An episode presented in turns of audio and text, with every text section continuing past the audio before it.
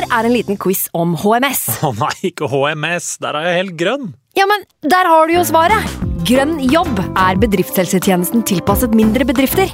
Våre HMS-eksperter hjelper mer enn 8000 bedrifter over hele Norge med alt fra lovpålagte HMS-krav til pålegg fra Arbeidstilsynet. Få på plass bedriftshelsetjeneste på grønnjobb.no. Hallo? Jeg kommer fra Oslo politikammer. Ine Jansen er purk. Er du purk? The motherfucking bitch. Alt jeg vil, er å finne ut hva som skjedde med mannen min. Jon Carew. Er jeg sikta for noe? Iben Akeli. Det er du. Ole So, Lars Berrum og Big Daddy Karsten. Hvem sin side er du på, egentlig? Anette Hoff, Tone Danielsen, Kommer du fra Afrika? Jørnis Josef, Nesten. Kløfta. Trond Espen Seim, Det er synd å si det, men det var feil mann som døde. Purk. Premiere tirsdag på TV2 Play.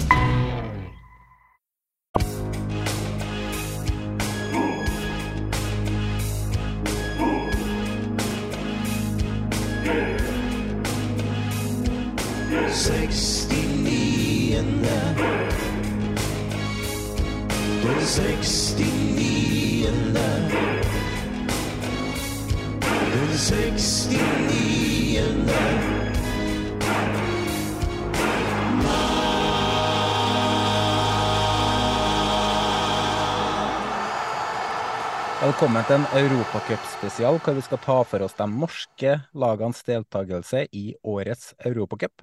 Til denne episoden her så er verken Snorre eller Arskan kvalifisert til å delta. Men det er du, Frank. Ja, vi er jo så heldige at uh, våre eh, to lag har jo starta eventyret i Europa, og forhåpentligvis så kan vi spille oss frem til et gruppespill etter hvert. Heldige er dine ord. Men uh, nok om det, det skal vi litt inne på litt senere. Eh, dagens episode er litt eh, todelt. I første del så um, skal vi prate med Moldes assistenttrenere Eirik Mæland og Trond Strande. Vi snakker da litt om Moldes eliteseriesesong til nå, og siste halvdel av sesongen. Også selvfølgelig Champions League-kvalifiseringa. Når de går ut av vårt digitale rom, så kommer Brann-supporter Sean Røskeland inn sammen med europacup-ekspert Johannes Kaste. Og så har vi Ole Kristian Gullvåg fra Rosenborg, da, så det vil si at jeg skal sitte her og ikke mene så mye om Rosenborg i, i dag. Og det er litt godt. Det har jeg hørt før, og tviler på at det å gå bra. Det tviler jeg på. Vi får se. Uh, ja. Uh, vi har jo som sagt med oss Johannes Kaste, som er en, egentlig en uh, hva skal jeg si, en eh, ordentlig guru på Europacup. Ja, hvem er han for noen, Frank? Han driver jo den uh, nettsida og Twitter-kontoen som kalles Footcalc. Han er jo tidligere ute enn Uefa sjøl med oppdaterte tall og rangeringer. Alt det her med koeffisient, hvordan lag og land ligger an i forhold til hverandre. Så jeg gleder meg til å snakke med han uh, senere. Ja, det blir spennende. det. Men uh, først så må vi ta, ta inn Molde-duoen.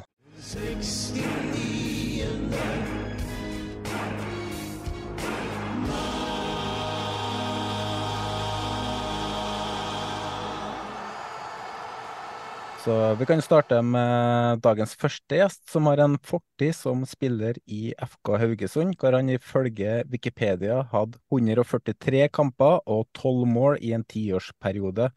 Ferden gikk videre til Fredrikstad, før han avslutta karrieren som 31-åring i 2020. Deretter gikk han inn i Kongsvinger som assistenttrener i 2020, før han var hovedtrener i 21 og 22. Men han er kanskje mest kjent som mann til Gunhild Tollnes. Hei, Erik. Hei. Stem, stemte den introen der, eller? Jeg stoler ikke helt på Wikipedia. Eh, nei, jeg lurer på om kampene var litt feil. Jeg tror det var litt flere, men ikke så mange. Og så eh, var det vel godt oppsummert med Gunhild. Det er vel det jeg er mest kjent som. Og eh, hvis du går på Google også, så er det vel da Erik Mæland kjæreste, eller Gunhild Tollnes kjæreste, da kanskje. Så jeg vet ikke hvem jeg er. Vi får se hvor lenge det varer, da. Eh, men eh, tilbake til Hæ? Å ja, forholdet! ja, det òg. Du veit aldri. ja, det da tror jeg var det. Men uh, nei da. Nei, men få se. Ja. Um, tilbake til karrieren din. Var det skader som gjorde at det var en tidlig slutt på karrieren? Ja, jeg sleit vel egentlig hele veien. Jeg hadde mye trøbbel med både lusker og hofte og flere operasjoner og sånn, så jeg uh, var vel mye sånn av og på. Men uh, jeg hadde en lang periode i Haugesund hvor jeg hadde en veldig fin tid og fikk være med der. og egentlig på hele den oppturen. Siden cupfinalen i 2007, opprykk og tredjeplass i 2013 og europacupspill osv. Så, videre. så fantastisk tid som jeg hadde der. Det gikk jo fra å være hovedtrener i en ganske bra Obos-ligaklubb med potensial til å kjempe om eh, ja, opprykk, til å bli assistenttrener i Molde. Hva var årsaken til at du tok den, det veivalget? Eh, nei, Først og fremst så var jo jeg med et veivalg i Kongsvinger, om jeg skulle være videre der. Så valgte jeg jo å takke nei til det. Eh, og Da gikk det ganske bra utover høsten der, og vi fikk eh, sving på sakene. og Så dukka denne muligheten opp. og Eh, ja, jeg er en ung trener, og det var en fin mulighet å lære på en litt annen måte. Eh, som hovedtrener så er det eh, Du har liksom helheten, og det er masse ting du jobber med. og kanskje ikke Her får jeg være litt snevrere og kanskje tenke enda mer fotball og reflektere rundt ting. Jeg kommer rett fra en spillerrolle òg, så passet det fint. Og så visste jeg at det var veldig flinke folk her òg, og en, veldig, veldig god klubb. Så det ble jeg lysten på gjøre. Mm. Vi har akkurat hørt en pod som heter Fotballfamilien, hvor Magne Hoseth var gjest. Og Der snakka jo han litt om uh, at han satte seg en sånn femårsplan. At der skal han være til det og det tidspunktet. Uh, du har jo på en måte tatt et steg tilbake sånn i forhold til at du var hovedtrener og nå assistent, men et steg framover når man ser på klubbhverdagen. Hvordan er ambisjonene dine som trener i framtida, har du satt deg noen målsetting der, eller lever du i nuet? Nei, litt som spiller òg, så lever jeg veldig i nuet. Jeg syns det er utrolig kjekt å jobbe med fotball. og jobbe med kjekke og flinke folk, så jeg har det veldig bra. Hadde det veldig fint i Kongsvinger. Og så er det veldig altoppslukende, da. Det, det går jo på bekostning av mange andre ting i livet òg, så for meg er det i hvert fall sånn viktig å bare tenke at eh, nå er jeg her, og så vet jeg at jeg kan andre, gjøre andre ting i livet òg. Så jeg har nok en litt annen tilnærming enn en Magne der. Eh, vi må over til dagens andre Molde-gjest, som eh, er kjent som Eliteseriens kanskje sterkeste trener. Og utstyrsansvarlig Molde fotballklubb har år etter år store utfordringer med å bestille opp riktig klesstørrelse. Han er nekte Molde-legende, som ifølge Wikipedia har 275 kamper for Molde, og er kjent for å være en ordentlig kjøttback som gjerne har røyka en sigg før kamp og stanga hodet i murveggen før møtene med Rosenborg. Stemmer det, Trond? Det hørtes ikke bra ut her, altså, men jeg eh, må nok eh, si ja til det meste her, tror jeg. Men eh, ja. Det, det, ryktes litt at du bor på gymmen om uh, dagen, at du har gjort det ganske lenge. Uh, vi trøndere pleier å si at vi har hatt Europas største trener, men prøver du å bli Europas største trener i et annet format, eller? Nei da, det er nok Jeg vet ikke hva som får å si det der. Jeg er en vanlig mosjonist, så jeg trener nok ikke mer enn noen andre på min alder, tenker jeg. Men jeg liker å holde meg i form, og jeg ser den eh, kanskje den viktigste grunnen til at jeg gjør det, er kanskje den mentale biten i den hverdagen jeg har. da. For det å få litt, litt egen tid, og, og, så tenker jeg at eh, hvis du er litt bedre fysisk eh, rusta, så tåler du kanskje litt mer. Så for meg så har det vært eh, det er både givende og gir mening. Jeg kan eh, kjenne meg igjen i akkurat det. Um, Erik, jeg snakka med din partner Gunhild Eh, Gunhild Tollnes, og da spurte jeg om hun hadde noe på deg, eller om det var noe jeg måtte spørre om. Vet du hva hun svarte, eller? Nei, jeg er veldig usikker, faktisk. Snakket med henne før i dag, så jeg nevnte at det var noe på gang der. hun sa at uh, du må spille opp Eirik om kroppen til Trond Strande, da får du han i gang. Ja, det en ting jeg må si. Altså, vi snakka om, om, forholdet til uh, Mæland og Gunhild i sted her. Altså, Vi har forholdsvis god kontroll på Mæland i Molde, men vi, vi har ikke helt kontroll på Gunhild. vi er litt usikre, men vi vet, vi vet hvordan Eirik eh, Småland, som vi kaller han, eh, gjør på her i Molde. Så der har vi god kontroll. Usikker på Gunhild. Jeg er litt uh, bekymra hvis Gunhild er nødt til å snakke om kroppen din for å få, for å få uh, Eirik i gang på fredagskveldene, men uh, det er mulig jeg har misforstått den der. Men, det. Vi har et bilde av Trond på veggen på soverommet. Nei, kroppen, altså Trond ser han trener som en vanlig mosjonist. Han er jo ikke da i den uh, Han er over 50 år, han er flink til å holde seg i form. Han er glad i å trene. Så det er mange på hans alder som burde fulgt hans uh, eksempel, der han, han, er god. Trond, det, jo, det, var jo du som skulle vise Eirik rundt omkring i Molde. eh, da han kom før sesongen, og det ryktes om en aldri så liten rånetur. Hva var det som skjedde? Er det noen av dere som vil fortelle? Ja, vi i Vi, drar, vi har jo en, en hall eh, litt på utsida av selve bykjernen her, som vi bruker av og til i preseason. Så jeg tenkte at nå skal jeg nå vise eh, Mæland litt i Molde, da. Etter økta. Så lot jeg Mæland kjøre. Og det endte i grøfta, selvfølgelig. så der sto vi en 45 minutter time med MFK-klær, og det er klart at det, det blir lagt merke til. vi sleit litt der, men vi kom oss bilen uskada, og vi kom oss ned. og Jeg skulle prøve selvfølgelig å løfte denne bilen opp igjen, men den sto jo det er en Så, men vi kom oss på stadion igjen. Ja, det gikk fint. da. Falken kom og dro oss opp, Ja, ja. og bilen var helt fin. Ja, ja. ingen problem. Ingen problem. Nei da, det var nok jeg som kjørte, ja. Så det fikk en snurr der, altså. Gikk rett i, rett i snøkanten. Det var ikke sikkert at det var så mye å se på i Molde, da. Men uh, du spilte jo, uh, Trond, du spilte jo på en tid hvor det ikke akkurat uh, spillerne var i nærheten av å være så profesjonelle som i dag. Um, Hulsker hadde jo en historie om deg, han og Hoseth i en bil med noe hooch og rulletobakk i hanskerommet. og Røyker du og sånn ennå, eller? Nei, nei, nei. nei. Aldri røyka jeg. Men eh, det er klart at når du har en hulsker der, så du kan ikke Du må jo trekke fra over 50 da. Det er klart du må, Han legger jo på for hver gang, så historiene hans blir jo bare større og større. Det er svært få som kan bekrefte historiene hans, det er sant. Ja. Og så har vi fått et spørsmål fra Pernille, da, som ønsker å være anonym. Savner du bamsekroa? Ja, og hun Pernille hun er ikke mye anonym. Eh, nei, men jeg tenker at eh, det er mange gode minner derifra. Men, eh, men eh, det er jo en, et lokalt sted uh, utifra, litt utom byen her, som jeg kommer fra. Så vi hadde hatt, hatt det mye artig der, ja. Eh, Du starta jo som akademitrener etter endt spillekarriere, og i 2015 så gikk du inn i trenerteamet eh, til A-laget. Men før 2021 så var du aktuell for trenerjobben i Sandefjord, og hvis jeg ikke husker helt feil, så var du òg i konkrete samtaler med det, men valgte å forlenge med klubben som du omtrent har tilbrakt hele livet ditt i.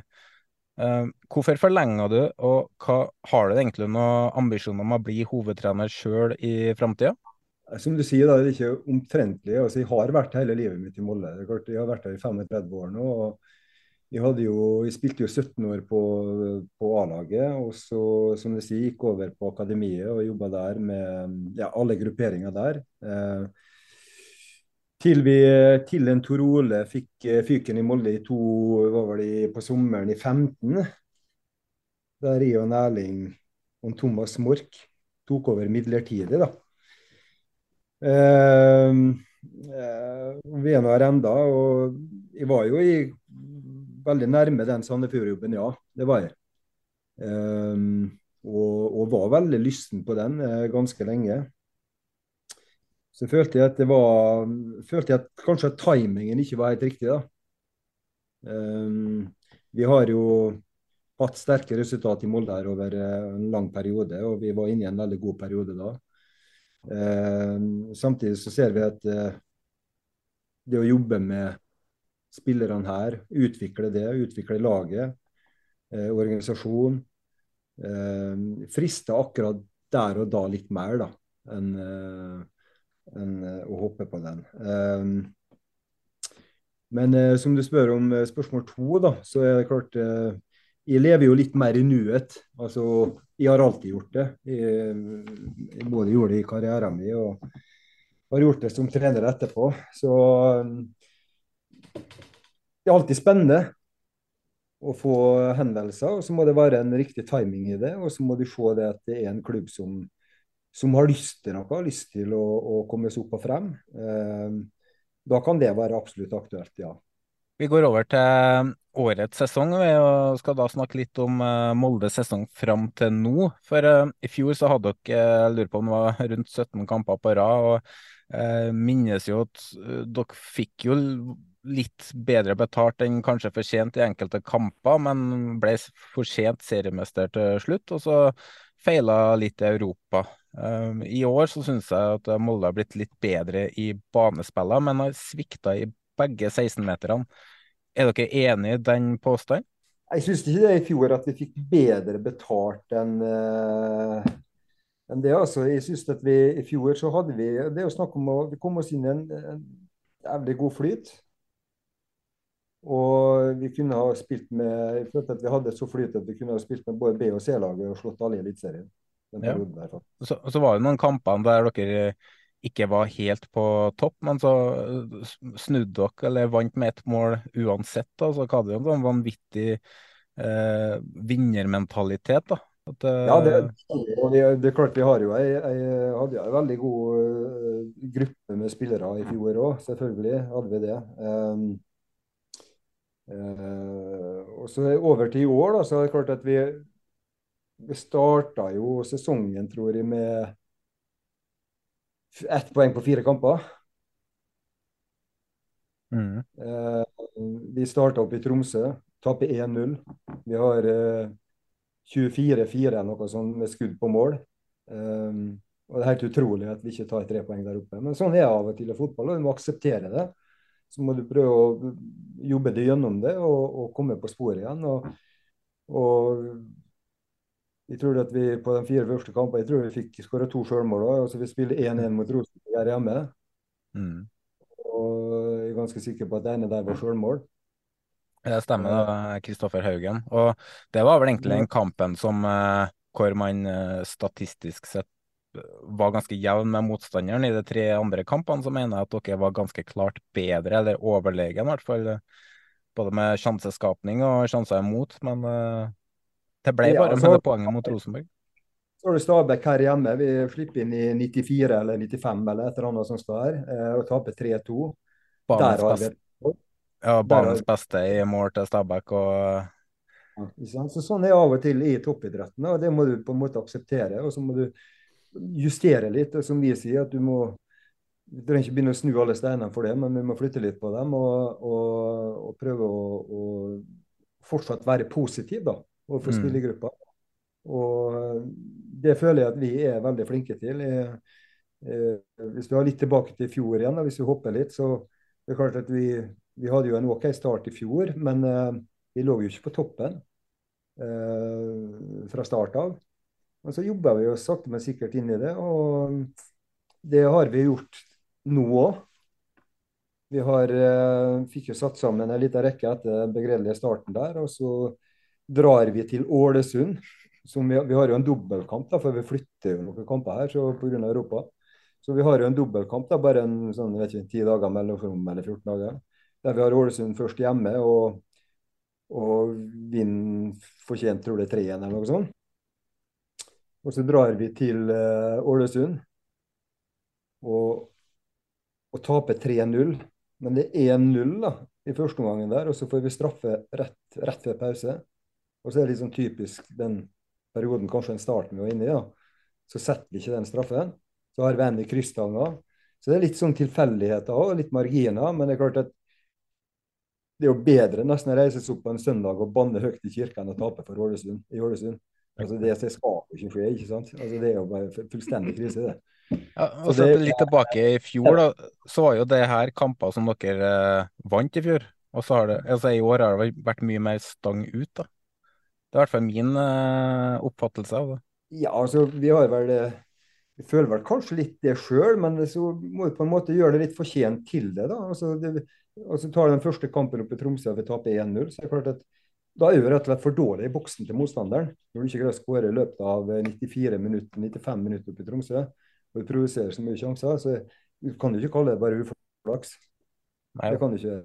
Du, du må jobbe deg inn i det og, og gjøre det fortjent til det. Og, og da er det en ting å gjøre, da. det er å jobbe med de tingene ute på feltet. Og, som for oss som for alle andre lag. Altså, og så må vi prøve å forsterke det som har vært bra. da. Apropos å være, gjøre seg fortjent til det, så har jeg sjekka Jeg sjekker jo veldig mye stats i i løpet av sesongen. og i hele år så har mitt inntrykk vært at dere har vært, eh, hvis vi tenker på XG, da, så har dere vært i, blant de beste både offensivt og defensivt. Så gikk jeg gjennom litt tall nå, og eh, på um, gjennomsnittlig ballinnehav, så er dere jo på fjerdeplass. Dere er det laget som har holdt nullen eh, nest flest gang med Glimt. Dere er det laget som har høyest XG med 35,4. Det er ett foran Glimt. Og så i XG imot så er dere på tredjeplass med 18,7. Uh, I tillegg så er dere eh, det nest beste laget på gjenvinninga høyt i banen, noe dere kanskje ikke var like god på i fjor. Så, men, men, så er vi inne på det med stang ut igjen. men når vi er inne på det med ballgjenvinninga, for det er jo mange som lurte på hva er det som skjer når dere har brukt nesten 40 millioner på Berisha. Og da var min analyse av det at dere skulle ta steg i det høye presset. Og Berisha er etter min mening en av de beste presspillerne i uh, hvert fall Nord-Europa. Og I tillegg så har dere Eriksen fra i fjor. Var det et av grepene for å hente ja, både Eriksen og Berisha for at dere skulle ta steg akkurat i den fasen? Ja da, det, det er klart at det, det var en mening bak at vi henta de to spillerne der. Eh, Eriksen hadde jo en fantastisk eh, høst i fjor for oss. Vetoen kommer til å komme mer og mer, helt sikkert. Eh, også du refererer til en del tall her som, er, som vi kommer godt ut av. Men så er det gjerne sånn at eh, jeg er ikke så veldig opptatt av altså, Det er veldig mange som snakker om det her XG og alt det her, men jeg er opptatt av tabellen ja, og, og, og spillet vårt. og og eh, det å utvikle oss. Eh, jeg er mer opptatt av, av det enn eh, Det hjelper ikke så mye med XG hvis du havner på åttendeplass, hvor den ser ut i enden av sesongen. Så, så, for meg så er det det aller viktigste. Og, og vi, er, vi, er, på vei og jobber, jobber som alle andre knallhardt hver dag for å, for å utvikle oss i positiv retning. Da. Så kan du jo ta det med med sånn som du sier. da. Jeg tror det har like mye med eh, måten du angriper på. da.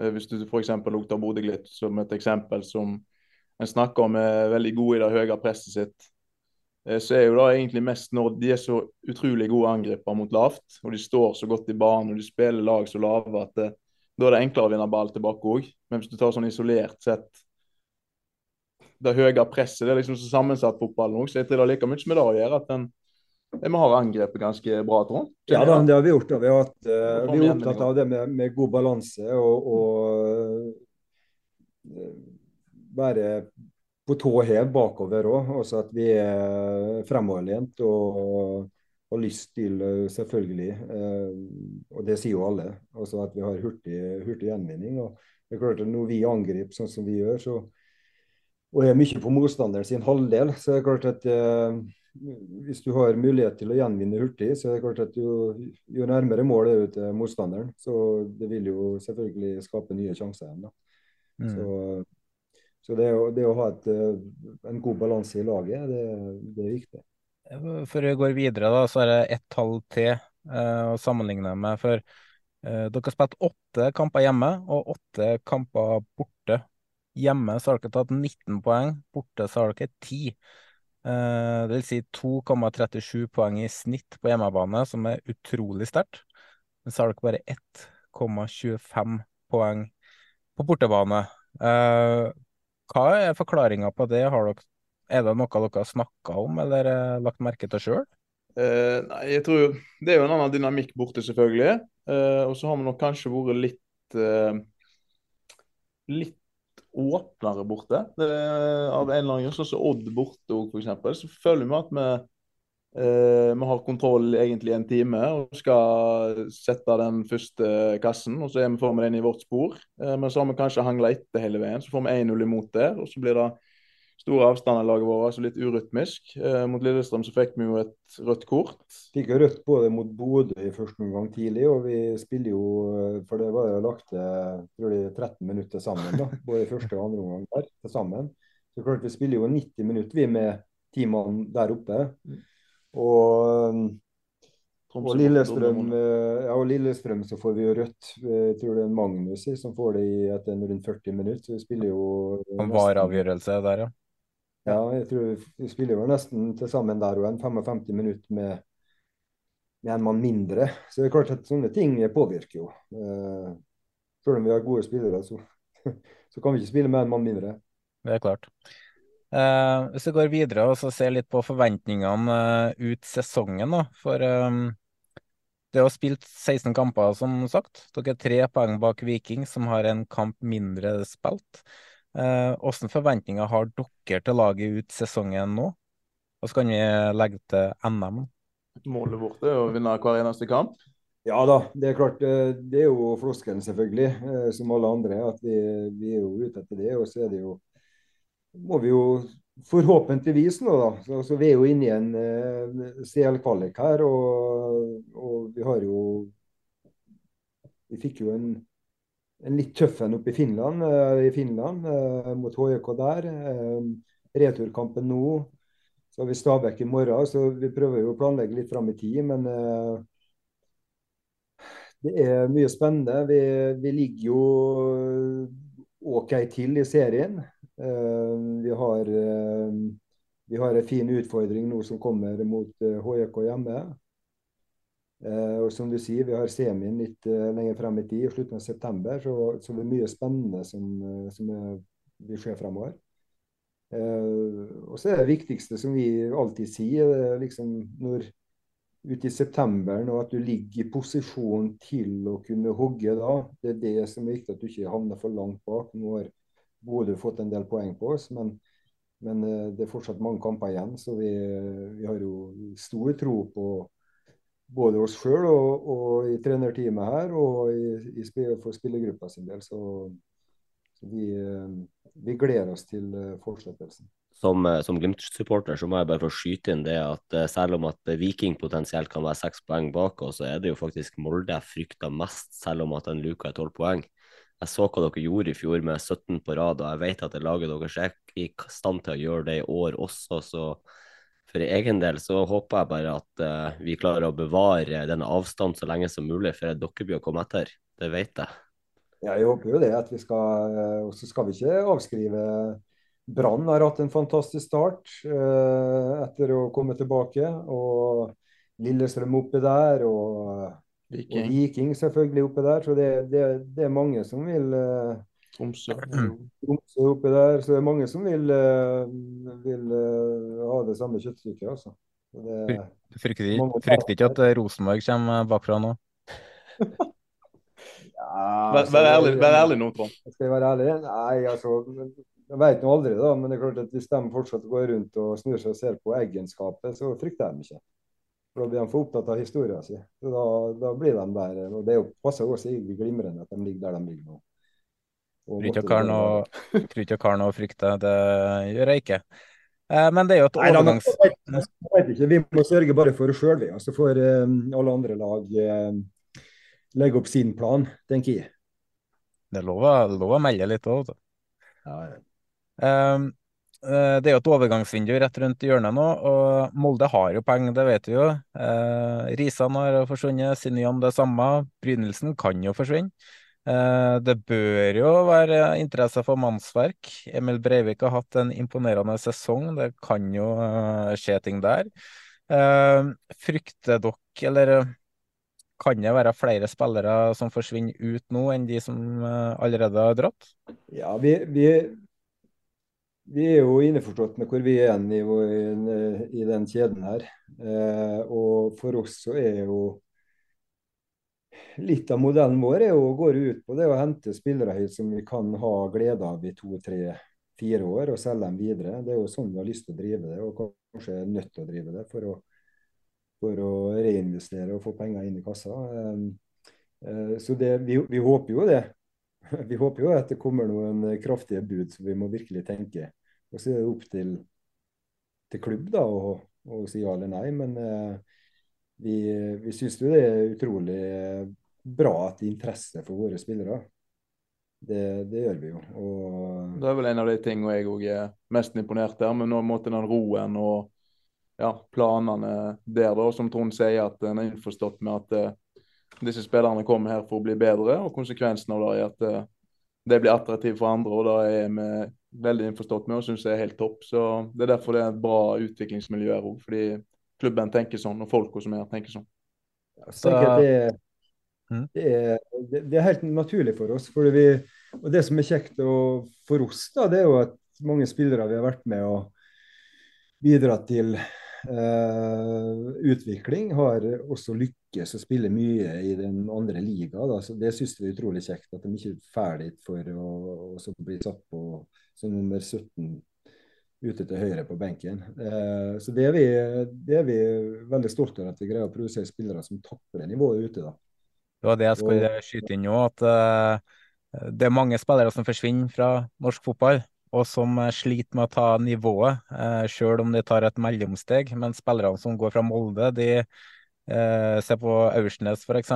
Haaland trenger ikke vi å Altså, det, det spillerne fra Molde gjør når det kommer til utenlandske klubber, har jo vært imponerende. Uh, I motsetning til Glimt, f.eks., som har solgt spillere som har uh, hevda seg kanskje enda bedre i hjemlig serie, og så drar de til utenlandske klubber, og så klarer de ikke å uh, ta det neste steget. Så akkurat der har Molde vært veldig imponerende, selv om det er vondt å, å si det høyt. Men Frank, vi leste jo i går at Isak Helstad Amundsen er linka til, til Molde. Først ble det hevda at han nesten var klar, og så blir det rapportert fra RB-sporten at at uh, man kanskje ikke er helt enig med både verken lønn eller overgangssum. Så vi får jo, det kan hende at uh, den overgangen er i boks når episoden kommer ut. Men uh, hva er det Molde får med Isak Helstad Amundsen hvis han forsvinner? Det trenger vi egentlig ikke å diskutere, for han blir i Bodø. Hands off, rett og slett. Nei, Isak er en veldig spennende stoppertype. En spiller jeg skulle ønska spilte mye, mye mer enn hva det han faktisk gjør akkurat nå. Har fysikk, grei fart, tør å føre ball fremover. god pasningsfot. Spill, god spillforståelse. Potensialet til å bli en vill, veldig god stopper, rett og slett. Ja, for Vi snakka jo litt om han i går, at hvis han har fått én sesong som fast, hvor han har spilt fast i Eliteserien, så hadde han fort vært topp to, topp tre eliteseriestoppere i Eliteserien, mener vi, da. Hvis ting klaffer for gutten, så kan han bli blant de beste stopperne i serien, ja. Men det er mange gode stoppere i Eliteserien allerede. og klart konkurransen i Glimt, der konkurrerer han med tre andre gode stoppere. Jeg bare personlig mener det at han burde spilt mer, for det er noen som ikke har prestert som jeg forventer at de skal prestere i flere kamper.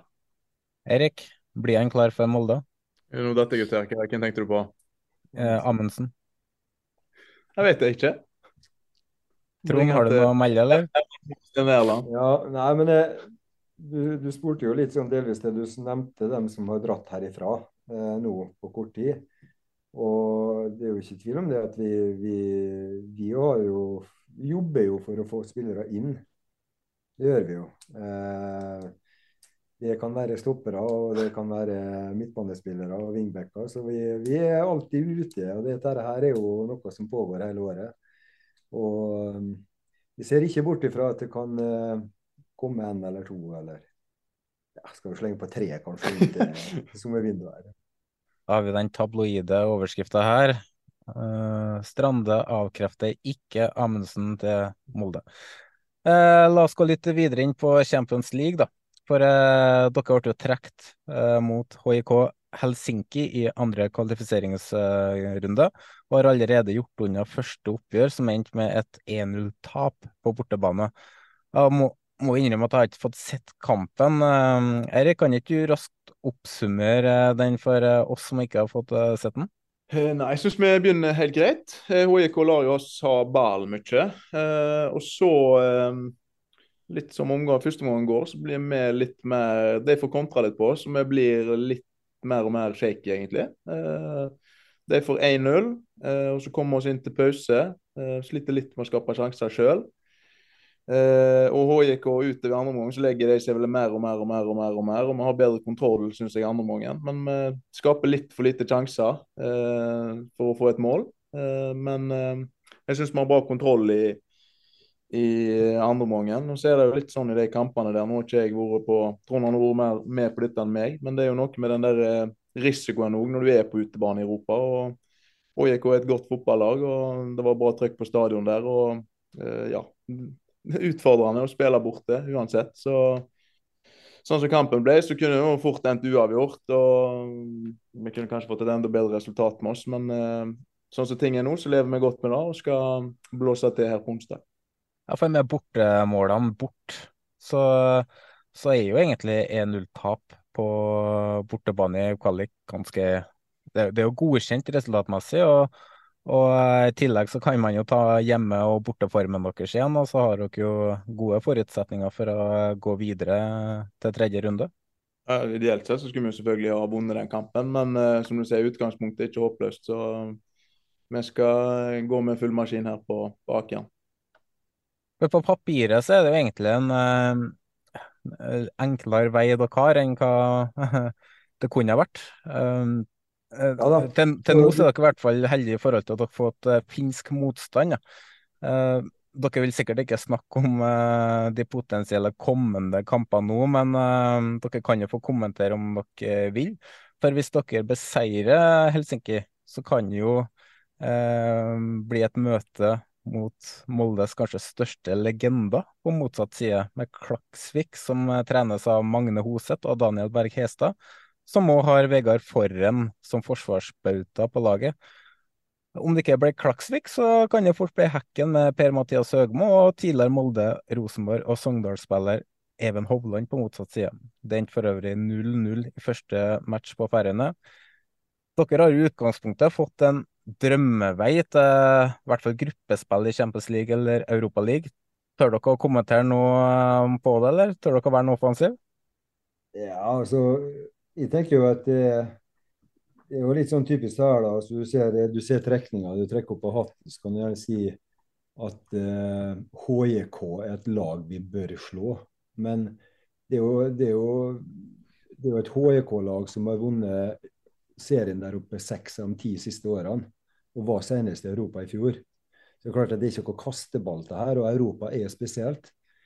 Um, så, så, det er ikke bare å reise til Finland og, og, og vinne, eller eh, Nord-Irland. Altså, vi har vært på stadionene der. Altså. Det, er bare, det er ikke bare Du må tenke to ganger 90 minutter eh, for å komme inn i neste runde. Og jeg syns vi håndterer den første kampen eh, oppe i Finland Eh, ikke bra nok. Jeg syns vi blir lokka inn i noe som eh, en utålmodighet som, eh, som vi ikke skal være med på. så vi har, vi har nok å henge fingrene i. Som sagt, nå er det Stabæk først, da, men snakker vi om Champions League, så er det, må vi håndtere den først og fremst mye bedre på hjemmebane. For det er klart at de kommer hit Eh, og skal ha med seg et godt resultat, dem òg. Og vi må forberede oss godt, skal vi ta oss videre derifra. For det, det som sagt, det, det, er ingen enkel match i Europa. For det, blir, det er litt annerledes kamper i Europa. Eh, I den norske ligaen så kjenner vi hverandre godt. Eh, men det gjør vi ikke når vi skal ut og, og reise sånn. Og så får du i hvert fall ikke greie ikke å lokke med utpå og begynne å snakke om andre runder. Altså. Det, det går jeg ikke òg, altså.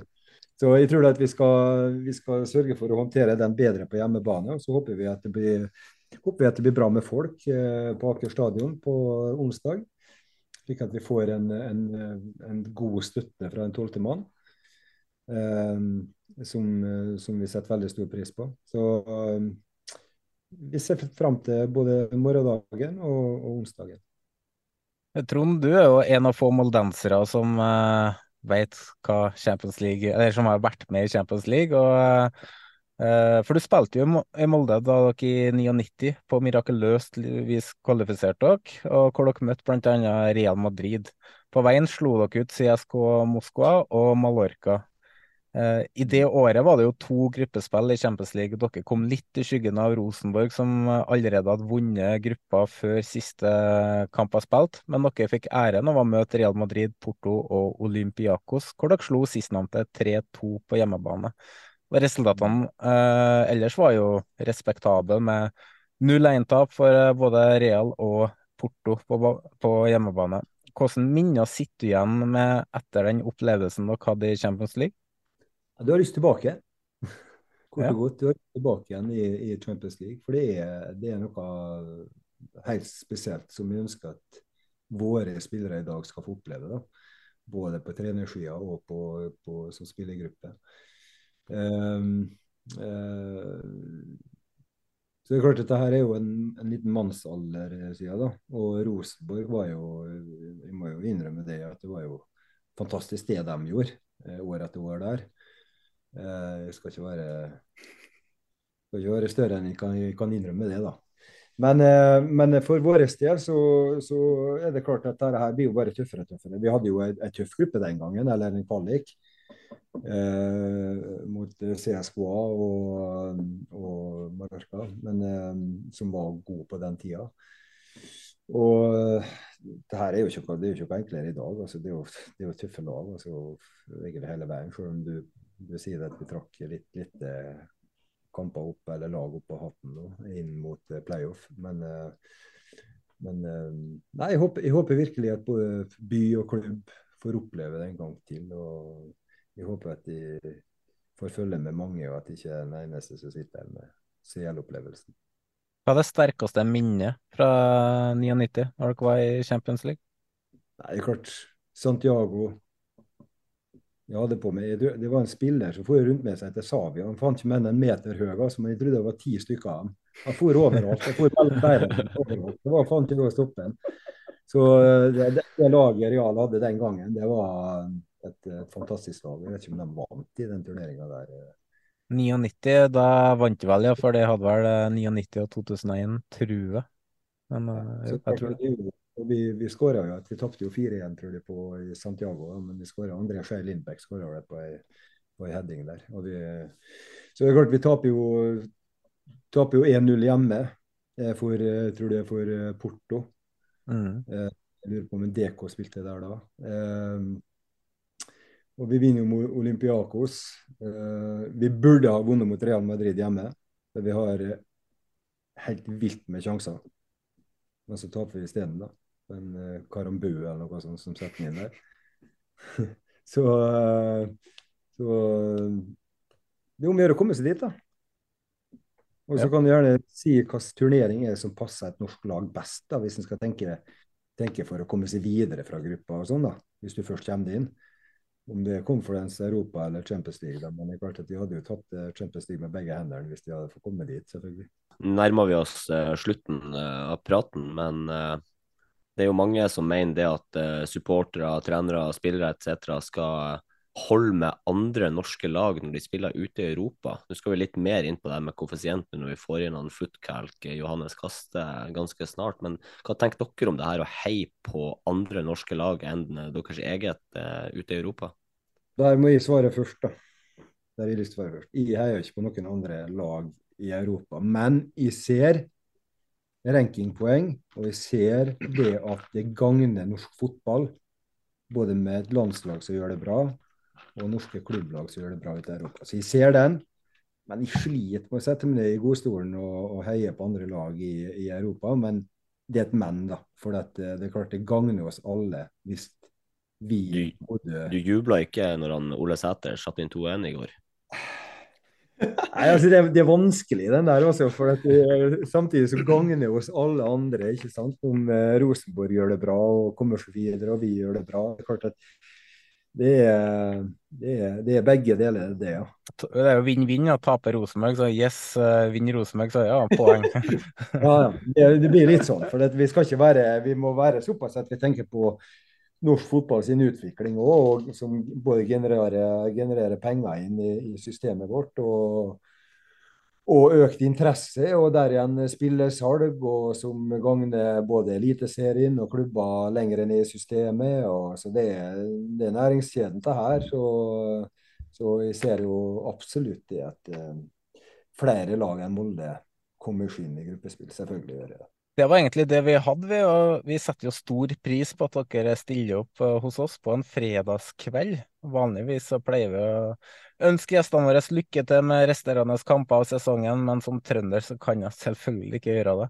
Men jeg må jo uh, igjen uh, gjenta at uh, jeg må berømme Molde for det sportslige som de har oppnådd de siste årene, selv om ja, de har kommet opp til toppen med god hjelp fra onkel Røkke. Så det er ingen tvil om at de har drevet klubb på en måte som andre norske lag har mye å lære av. Og som jeg nevnte, så har jo de fleste spillerne som har kommet til Molde, blitt bedre fotballspillere, og spillere som blir solgt fra Molde til utlandet, har en tendens til å lykkes. Så da, ja, da, da kan jeg ta, for da trenger ikke Trond ta. Jeg vet han gnager på det, men jeg kommer utenfor så jeg kan ta. Fordi her òg, som du sier, forutsetningene, onkel Røkke og alt det der, altså det er helt topp.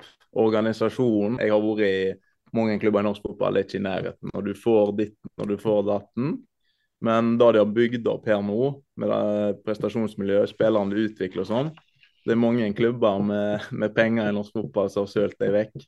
Derav ditt kjære Rosenborg de siste årene, kanskje. Så, som et godt eksempel. Så eh, som sagt, jeg har ikke noe tilhørighet der, men jeg har lyst til å, å, skryte over klubben og det de har gjort her. Og over så lang tid. Så ja. ja jeg har lyst til å legge litt en ball død, for det der kan ja. ja.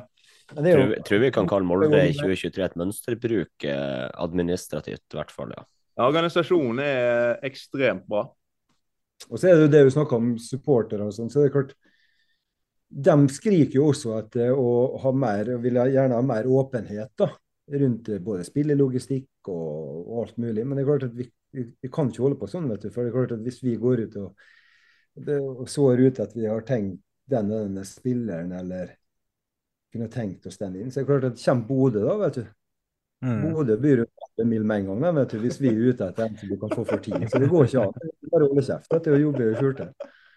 20 millioner sign-on-fee og hele pakka. Nei, det ja, skjønner jeg nok. Vi har så mye penger oppi Bodø nå vet at vi må bare holde kjeft på alt. Så, så Nei da, så vi får, uh, vi får, bare jobbe i det stille. Og så får vi se om vi greier å få inn noen, uh, få inn noen her. Så, så er det både kanskje litt erfaring og kanskje noe vi kan utvikle videre til å selge igjen. Kan få brukt litt penger. Ja. Det er bra, da. Tusen takk igjen, gutta. Yes. Likeså.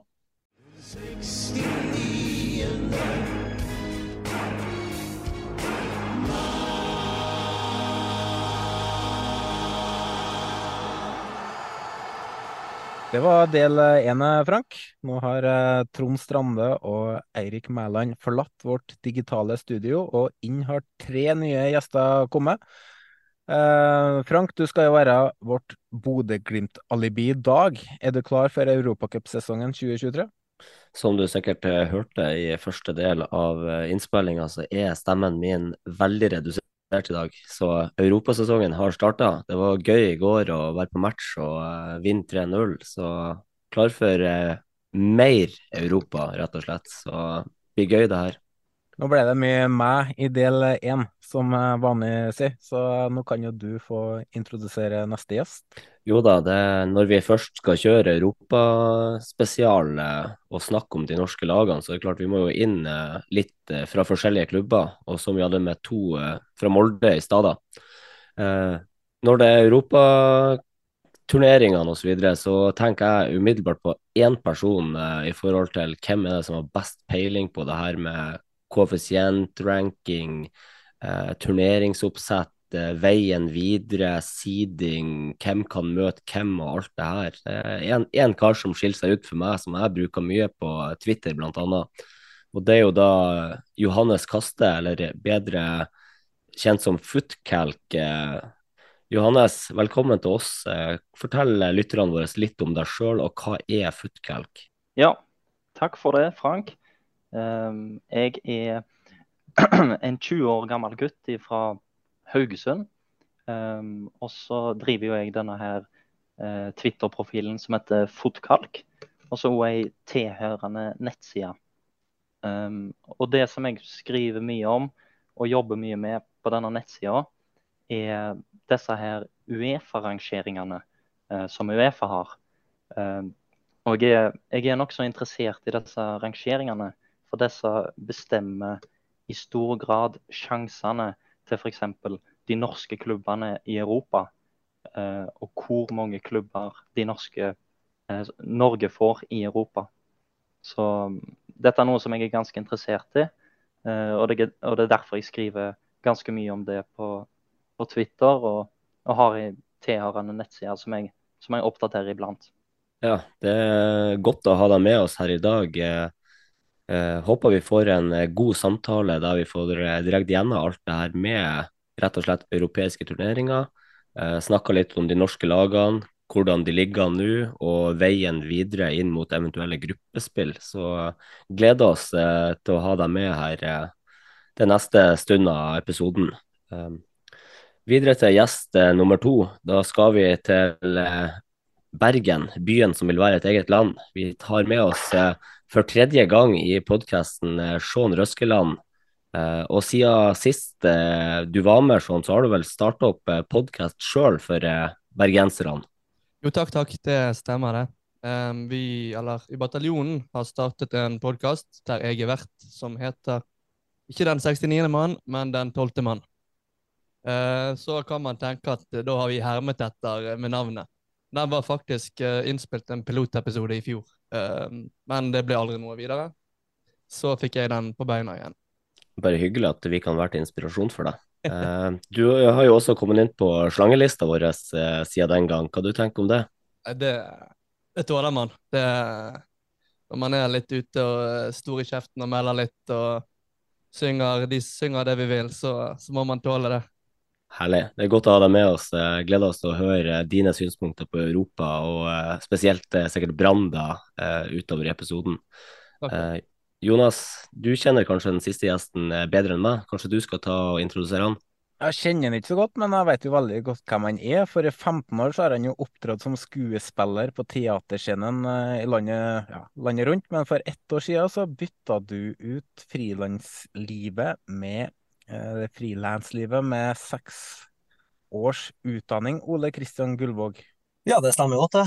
Eh, jeg ble plutselig voksen i en alder av 39. Ehm, det, var, nei, det, det, er fint å leve som skuespiller, men det er mye reising og mye kveldsjobbing og mye helg og mye ferie. Og så fikk jeg plutselig et barn, og da kjente jeg at nå ville jeg ha kveldene mine tilbake. Så da var det bare å begynne med noe nytt. Hva er det du skal bli nå?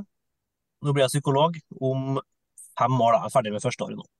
Da skal du bli idrettspsykolog, eller? Inn i Rosenborg?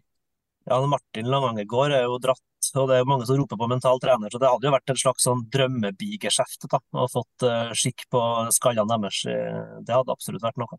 Du har jo markert deg som Rosenborg-supporter, kan man jo si, for du har jo flere ganger stilt opp i Adresseavisa, bl.a. i ulike sammenhenger. Eh, hva betyr Rosenborg for deg, og hvordan påvirker det hverdagen din? Um, altså Rosenborg har jo betydd veldig mye for meg siden jeg var ja, sju, åtte, ni år. Uh, det har jo påvirka meg på, på, en måte i hverdagen, så ble jeg vel mer påvirka før. Da jeg var liksom rundt 20, starten av 30-åra. Jeg tror jeg lot meg prege mer av de dårlige uh, greiene da. Men det tror jeg også handler litt om at det var ferskere etter den store gullperioden. Så var det veldig sårt å plutselig begynne å tape. Nå har vi blitt litt mer vant med at, vi, at fotballen er, er mer varierende, og man skal både oppleve opp- og nedturer. Så nå går det ikke så mye inn på meg, men det er også litt fordi at jeg blir eldre. Så og det er bra, for jeg har hatt mine perioder hvor jeg har på en måte Jeg vet at det har blitt en sånn uh, greie med meg da, i min vennegjeng at vi må ikke ringe Ole i dag fordi det var kamp i går. Så det er godt at jeg har blitt litt mer normal. Uh, men jeg, jeg, hører jo når jeg hører på dere og på andre podder at det er flere som har tatt over den stafettpinnen her da, med å la det gå veldig innover seg. Ja, det, jeg er en av de, da, kan jeg si det sånn. Det påvirker hverdagen litt vel mye. Eh, det var egentlig de tre, det er de tre gjestene vi skal ha med oss eh, nå, Frank. Så da kan jo egentlig du kjøre en uh, sekvens med Johannes, der vi skal kjøre ja, en liten Europa 1, 2, 3 for Dumbies, rett og slett. Hva faen er det du driver på med, den dumme, feite gris?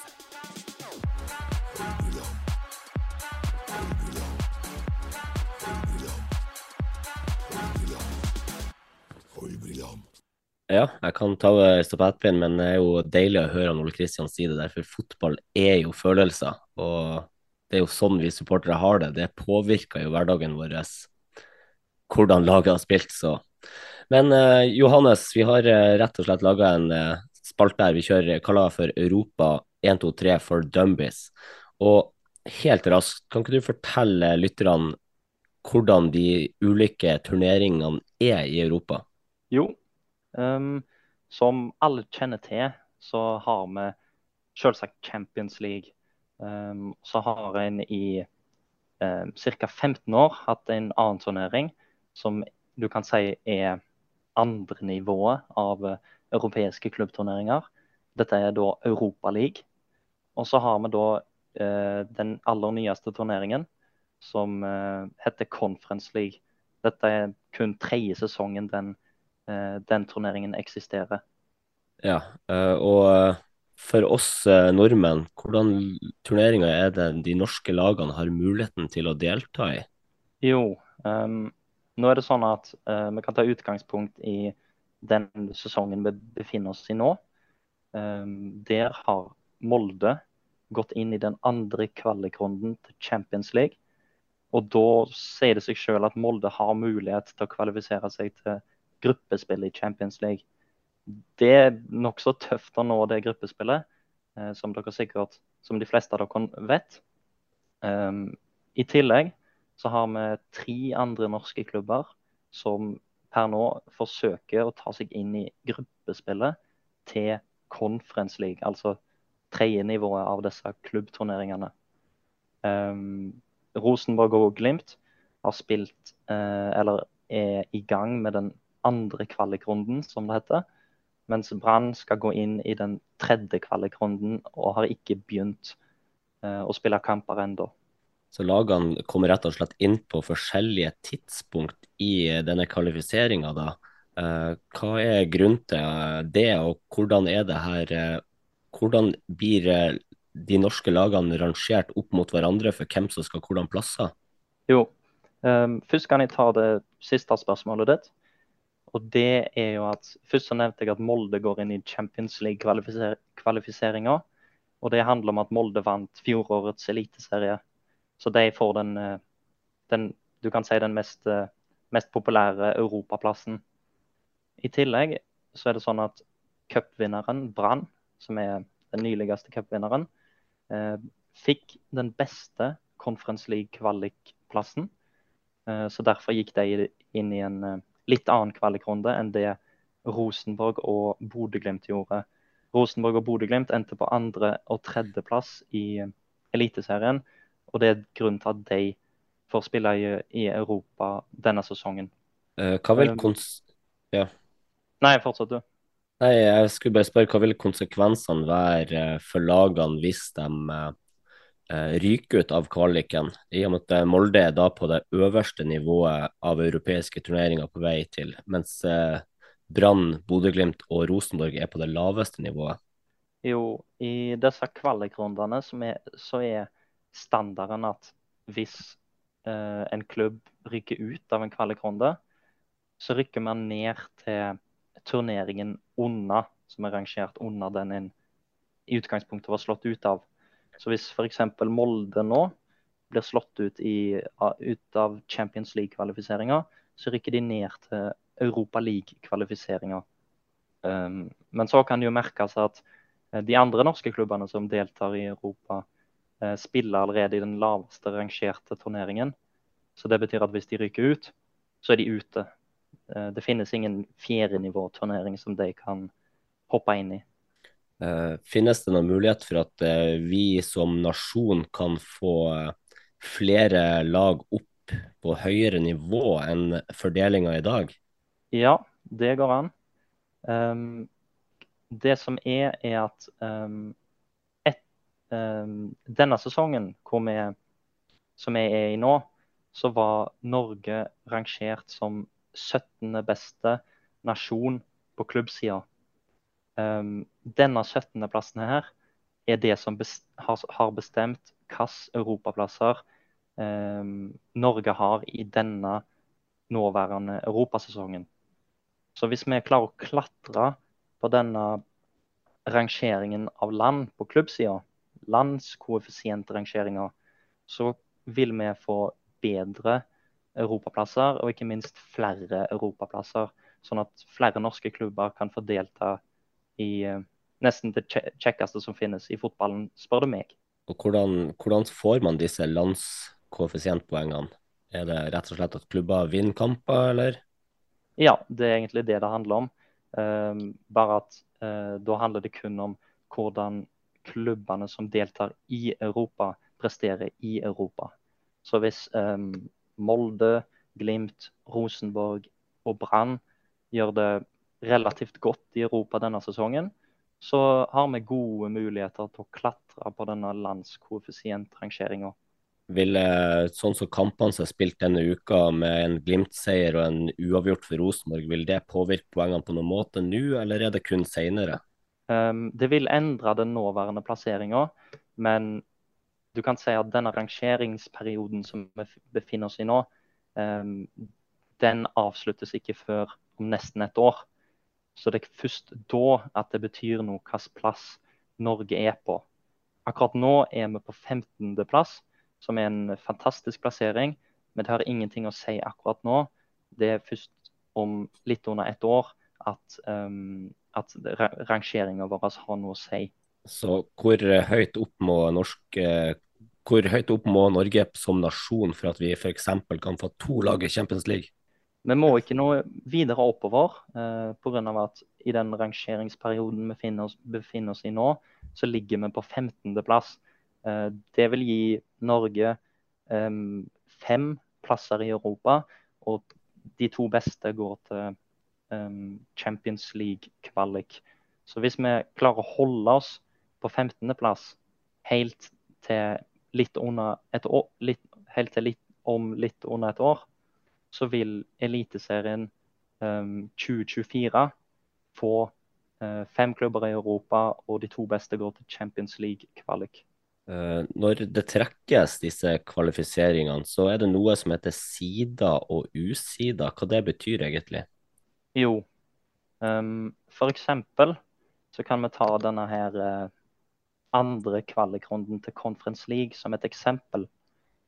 I denne kvalikrunden så var det veldig mange klubber som deltok. Det var 90 klubber som, eller som deltar der. Um, og før, eller under trekninga, så er det sånn at Eller før trekninga så deles disse 90 klubbene opp i to halvdeler. 45 klubber blir det som vi kaller sida, og de resterende 45 blir det som vi kaller usida. Og så er spørsmålet hva er det som bestemmer om klubber blir sida eller usida? Og det er koeffisientpoeng, eller klubbrangering. Koeffisientpoeng og klubbrangering, klubbrangering uh, kan du si er det samme.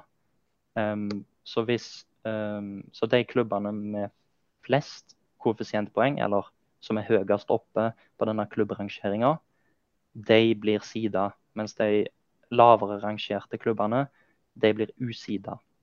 Og så kommer det et nytt spørsmål opp. Hva har det å si om en klubb er sida eller usida i undertrekninga? Eh, og svaret på det er at under trekninga så vil alle sida klubber møte en usida klubb. Så hvis du er sida, så er du dømt til å bli trukket mot en usida klubb. Um, og da er det gjerne litt ikke så vanskelig å forstå at de sida klubbene er av nokså høyere kvalitet enn de usida. Så er du sida, så får du sannsynligvis en, en nokså overkommelig motstander i den aktuelle kvalikrunden. Hvordan ligger de norske lagene an her akkurat nå? Eh, både i forhold til du nevnte klubbkoeffisientpoeng eh, og siding i andre og tredje runde som er trukket nå, da? Jo, um, vi kan starte med Molde. Molde ble trukket mot HJK eh, fra Finland. Um, I denne kvalikrunden så var Molde sida. Så det betyr at Molde fikk møte en av de klubbene som var, eh, som var del av den lavest rangerte halvdelen. Og HJK er egentlig ikke en veldig sterk klubb. Eh, så Molde var egentlig nokså heldige med å kunne få trekke dem. Men så har det vist seg at Molde har slitt litt mot dem. Um, når det gjelder de andre norske, eller vi kan ta Glimt og Rosenborg. Både Glimt og Rosenborg ble sida i den andre kvalikrunden, som betyr at Glimt og, og RBK fikk nokså overkommelige motstandere, de òg, i Bohemians og Crusaders. Um, og så er det òg sånn at uh, Molde har blitt sida i den tredje kvalikrunden til Champions League. Hvis de tar seg videre der, så møter de vinneren av Klaksvik og BK Hekken fra Sverige. Um, og både BK Hekken og Klaksvik er ikke så veldig høyt rangerte og meritterte klubber i Europa. Så eh, grunnen til at Molde trakk dem, var på grunn av at um, mye pga. at Molde var sida. Um, og så kan jeg bare kort nevne at i den tredje kvalikrunden til Conference League, hvis de eh, norske klubbene tar seg der, Brann er jo allerede der, så var um, Glimt eh, sida sammen med Rosenborg. Rosenborg ble så vidt sida, så de fikk um, ja, no, ganske overkommelige motstandere. Nå skal det sies at Rosenborg var ganske uheldig under den trekninga i å møte Hearts på Skottland. Uh, mens Brann de har ikke mye å skryte av hva gjelder europaprestasjoner de siste åra. Så de ble usida i denne trekninga. Um, så der ble det en del tøffere for de. Vi snakka om tre forskjellige nivå på klubbturneringene. Hva er økonomien bak de turneringene her? Har du en oversikt over det? Ja, um, det er kanskje mest naturlig å nevne pengene som ligger i gruppespillene. For i kvalikrundene så ligger det ikke så veldig mange kroner. Da er det snakk om noen millioner for de klubbene som kun deltar i kvalikrundene. Men F.eks. hvis Molde skulle tatt seg inn i Champions League-gruppespillet, som ikke er veldig realistisk, men hvis de greier det, så er det snakk om eh, mange, flere hundre millioner kroner i, i inntekter. Og eh, min antakelse er at det kommer til å ende på i, i underkant av 300 millioner kroner, hvis Molde klarer det. Um, og så Europa League-gruppespillet um, har det, det, er veldig stor økonomisk avstand mellom Champions League og disse to andre um, turneringene hva gjelder gruppespill. Så hvis Molde tar seg inn i Europa League-gruppespillet, så kommer de til å tjene uh, en del over 50, ja, 50 60 70 millioner kroner. Um, men så uh, kan Hvis Molde blir slått ut i den siste kvalikrunden til Champions League, så får de på toppen av det 50 millioner kroner. Så det er litt vanskelig å si hvor mye Molde får i Europa League-gruppespillet.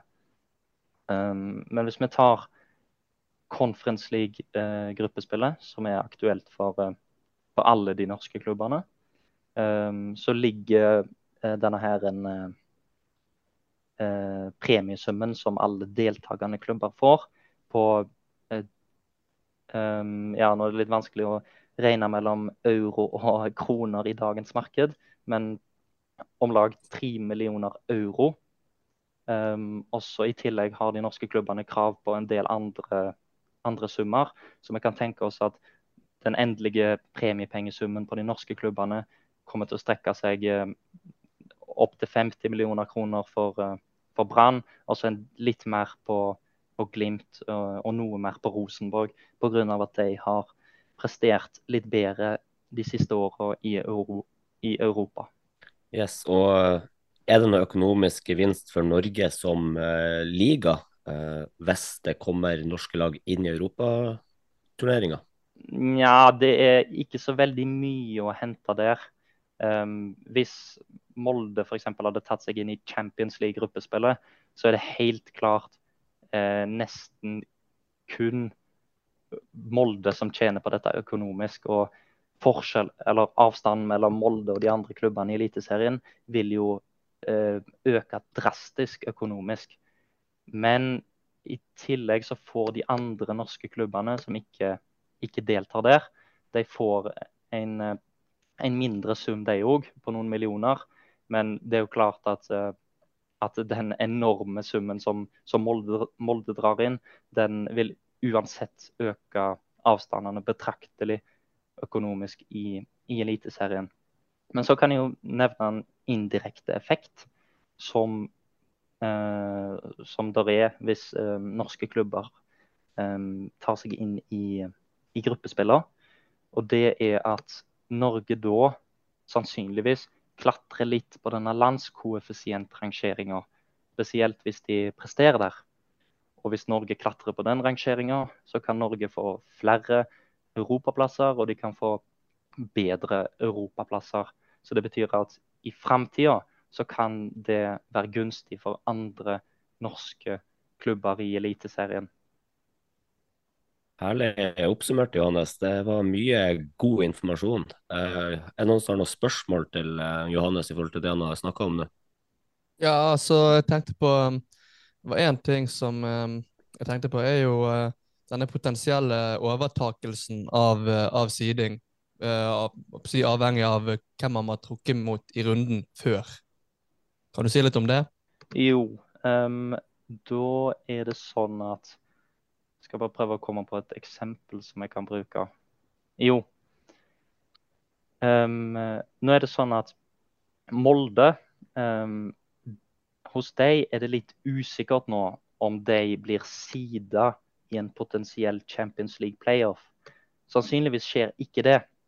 Men la oss bare anta at det skulle skje. I denne her runden før playoffen så vil Molde møte vinneren av Hekken og eh, Klaksvik. Um, og det som er at hvis Molde blir Ja, nå antar vi at Molde blir sida i playoffen. Så um, det betyr òg at i og med at Molde spiller mot Klaksvik og Hekken i den tredje kvalikrunden, så vil òg de klubbene bli sida i playoffen. Og det handler om at denne her eh, Champions League-playoffen trekkes før eh, den tredje kvalikrunden er blitt spilt. Så det betyr at um, vi vet ikke om det er Molde eller Klaksvik eller Hekken som deltar i siste, i playoffen til Champions League. Så det betyr at vi må rett og slett bare sida alle de klubbene.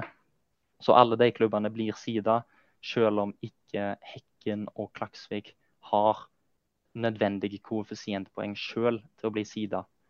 Og denne her eh, mekanismen fungerer i, i alle kvalikrundene, ikke bare det eksempelet jeg tok med Champions League-playoffen. Så hvis f.eks.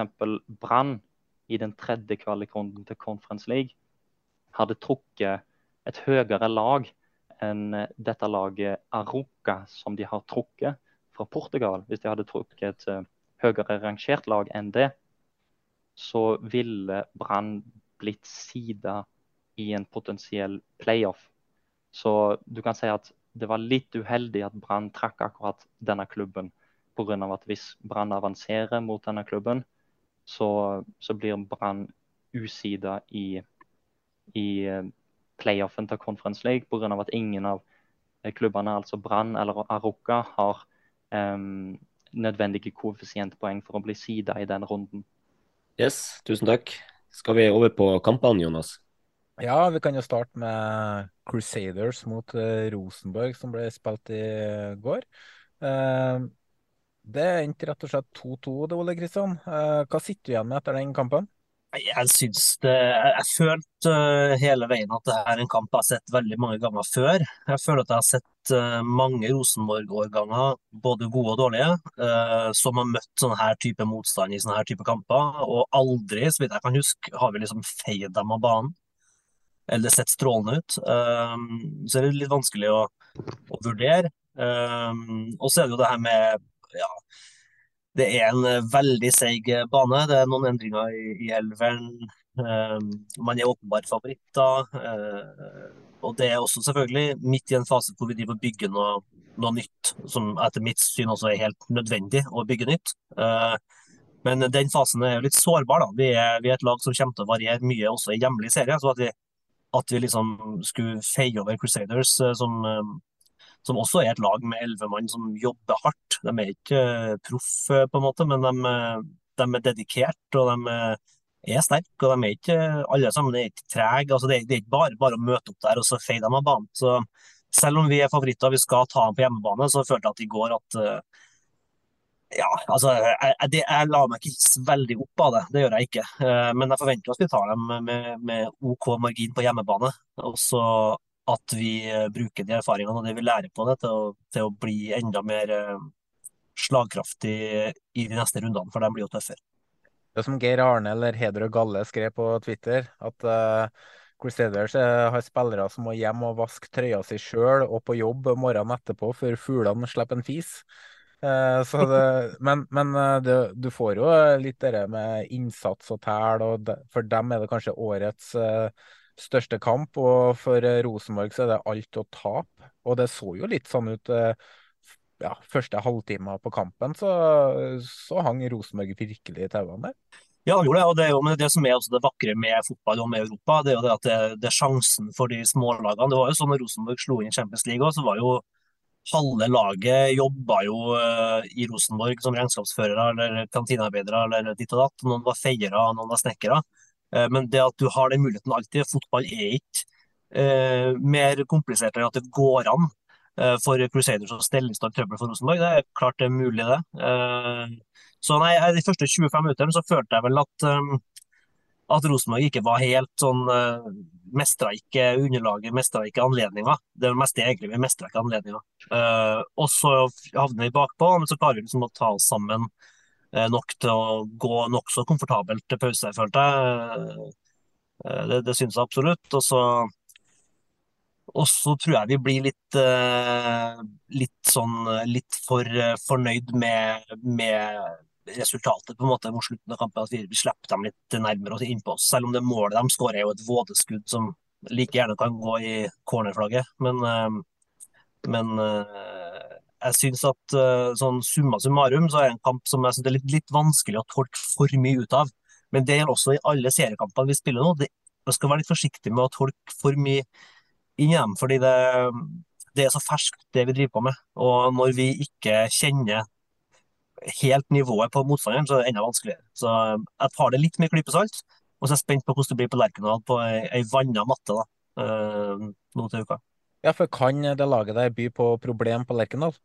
Ja, det vil overraske meg mer. Men, men uh, det kommer helt an på hvor mye momentum Rosenborg klarer å bygge. og Det føler jeg er på en måte det som definerer litt sesongen vår nå.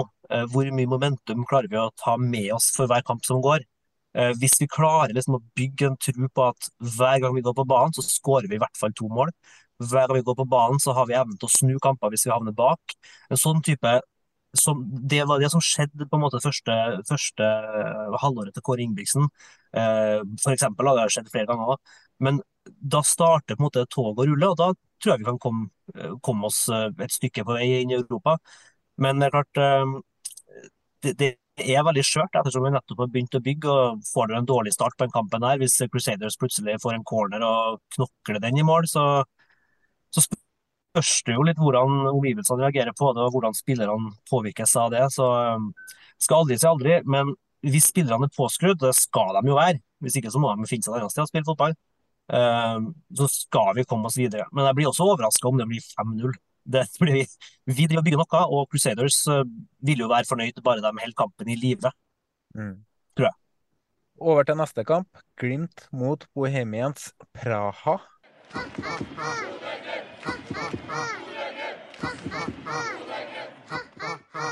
Eh, Frank, du var der. Husker du noe fra kampen, egentlig? Eh, ja da, det var ikke mer enn eh, nok i glasset til at man var i fin form på kampen. Det ble kanskje litt for mange glass etter kampen, men det får nå være. Kampen er veldig kontrollert. vi møter egentlig et lag som jeg tror er sterkere enn folk flest tror. Men de er kanskje litt I forhold til mange norske lag da, som kjenner Glimt inn og ut, legger seg i ramma bakpå og forsvarer seg, så er det et lag som etterlater seg rom i flere ledd i banen, da, og det visste Glimt å utnytte. Eh, Bohemians var ikke ufarlig, det var de absolutt ikke, men eh, det kunne vel eh, fort vært flere mål i begge veier, for å si det sånn. da. Det var en åpen og morsom fotballkamp da, med, der Glimt egentlig var klart best. da. Så er det jo klart det blir tøffere å reise ned til Tsjekkia for å spille returen, sannsynligvis. skal sies at eh, de var, kom over, eh, over 600 bortesupportere, og de laga god stemning og godt trøkk. og Hilsa på mange av de i byen her nå. og Det er, det er rett og slett eh, sentraleuropeiske nordlendinger, føler jeg. For det er, det er Det er folk som egentlig er blid, hyggelig eh, og liker å drikke og ha det artig, rett og slett. Så det har vært et eh, gøy bekjentskap. Eh, 3-0 på hjemmebane, og eh, hvis man skal tolke Glimt-Twitter, så skulle det ha blitt eh, mye mer. Kan det laget der eh, evne å skape problem for dere i returoppgjøret, eller er det, kan man bare hvile spillere og eh, bare cruise gjennom? Det er veldig komfortabelt at han Runar Espejord satte inn 3-0 på slutten der. Eh, bare noen halvminutt i forveien så banka Jan Sondre Sørli ballen i tverrligger på en keeper som ligger nede på bakken, nærmest. Så det å få den 3-0, den punkterte nok oppgjøret veldig mye. Samtidig så skal vi ikke glemme hvordan Glimt var i Europa i fjor. De var knallsolide hjemme, men de snubla gang på gang på gang borte. De holdt det på å drite seg ut på Færøyene mot Klaksvik. så det er, ikke, det er ikke sånn at man skal reise ned dit og tenke at eh, kampen er ferdig, for da kommer de til å drite seg ut, Glimt. Så er det et lag som ennå ikke har vært i aksjon, som skal spille tredje kvalifiseringsrunde, nemlig Brann, som eh, trakk FC Aroka. Eh, Sean, FC Aroka det er ikke et lag som eh, klinger i ørene på nordmenn. Eh, du har jo sikkert satt deg litt inn i hvilken type lag Brann skal møte i tredje runde? Ja, det, det, er jo et lag som kommer fra, fra, rett utenfor Porto. Det er jo en sånn um, forstad, da. Så det um, De har mange um, innbyggere å ta av der, men, men laget gjorde sin beste prestasjon i fjor, serieprestasjon noensinne, med sin femteplass. De har vært én gang i um, Europacup før. Da rykket de ut i kvalifiseringen.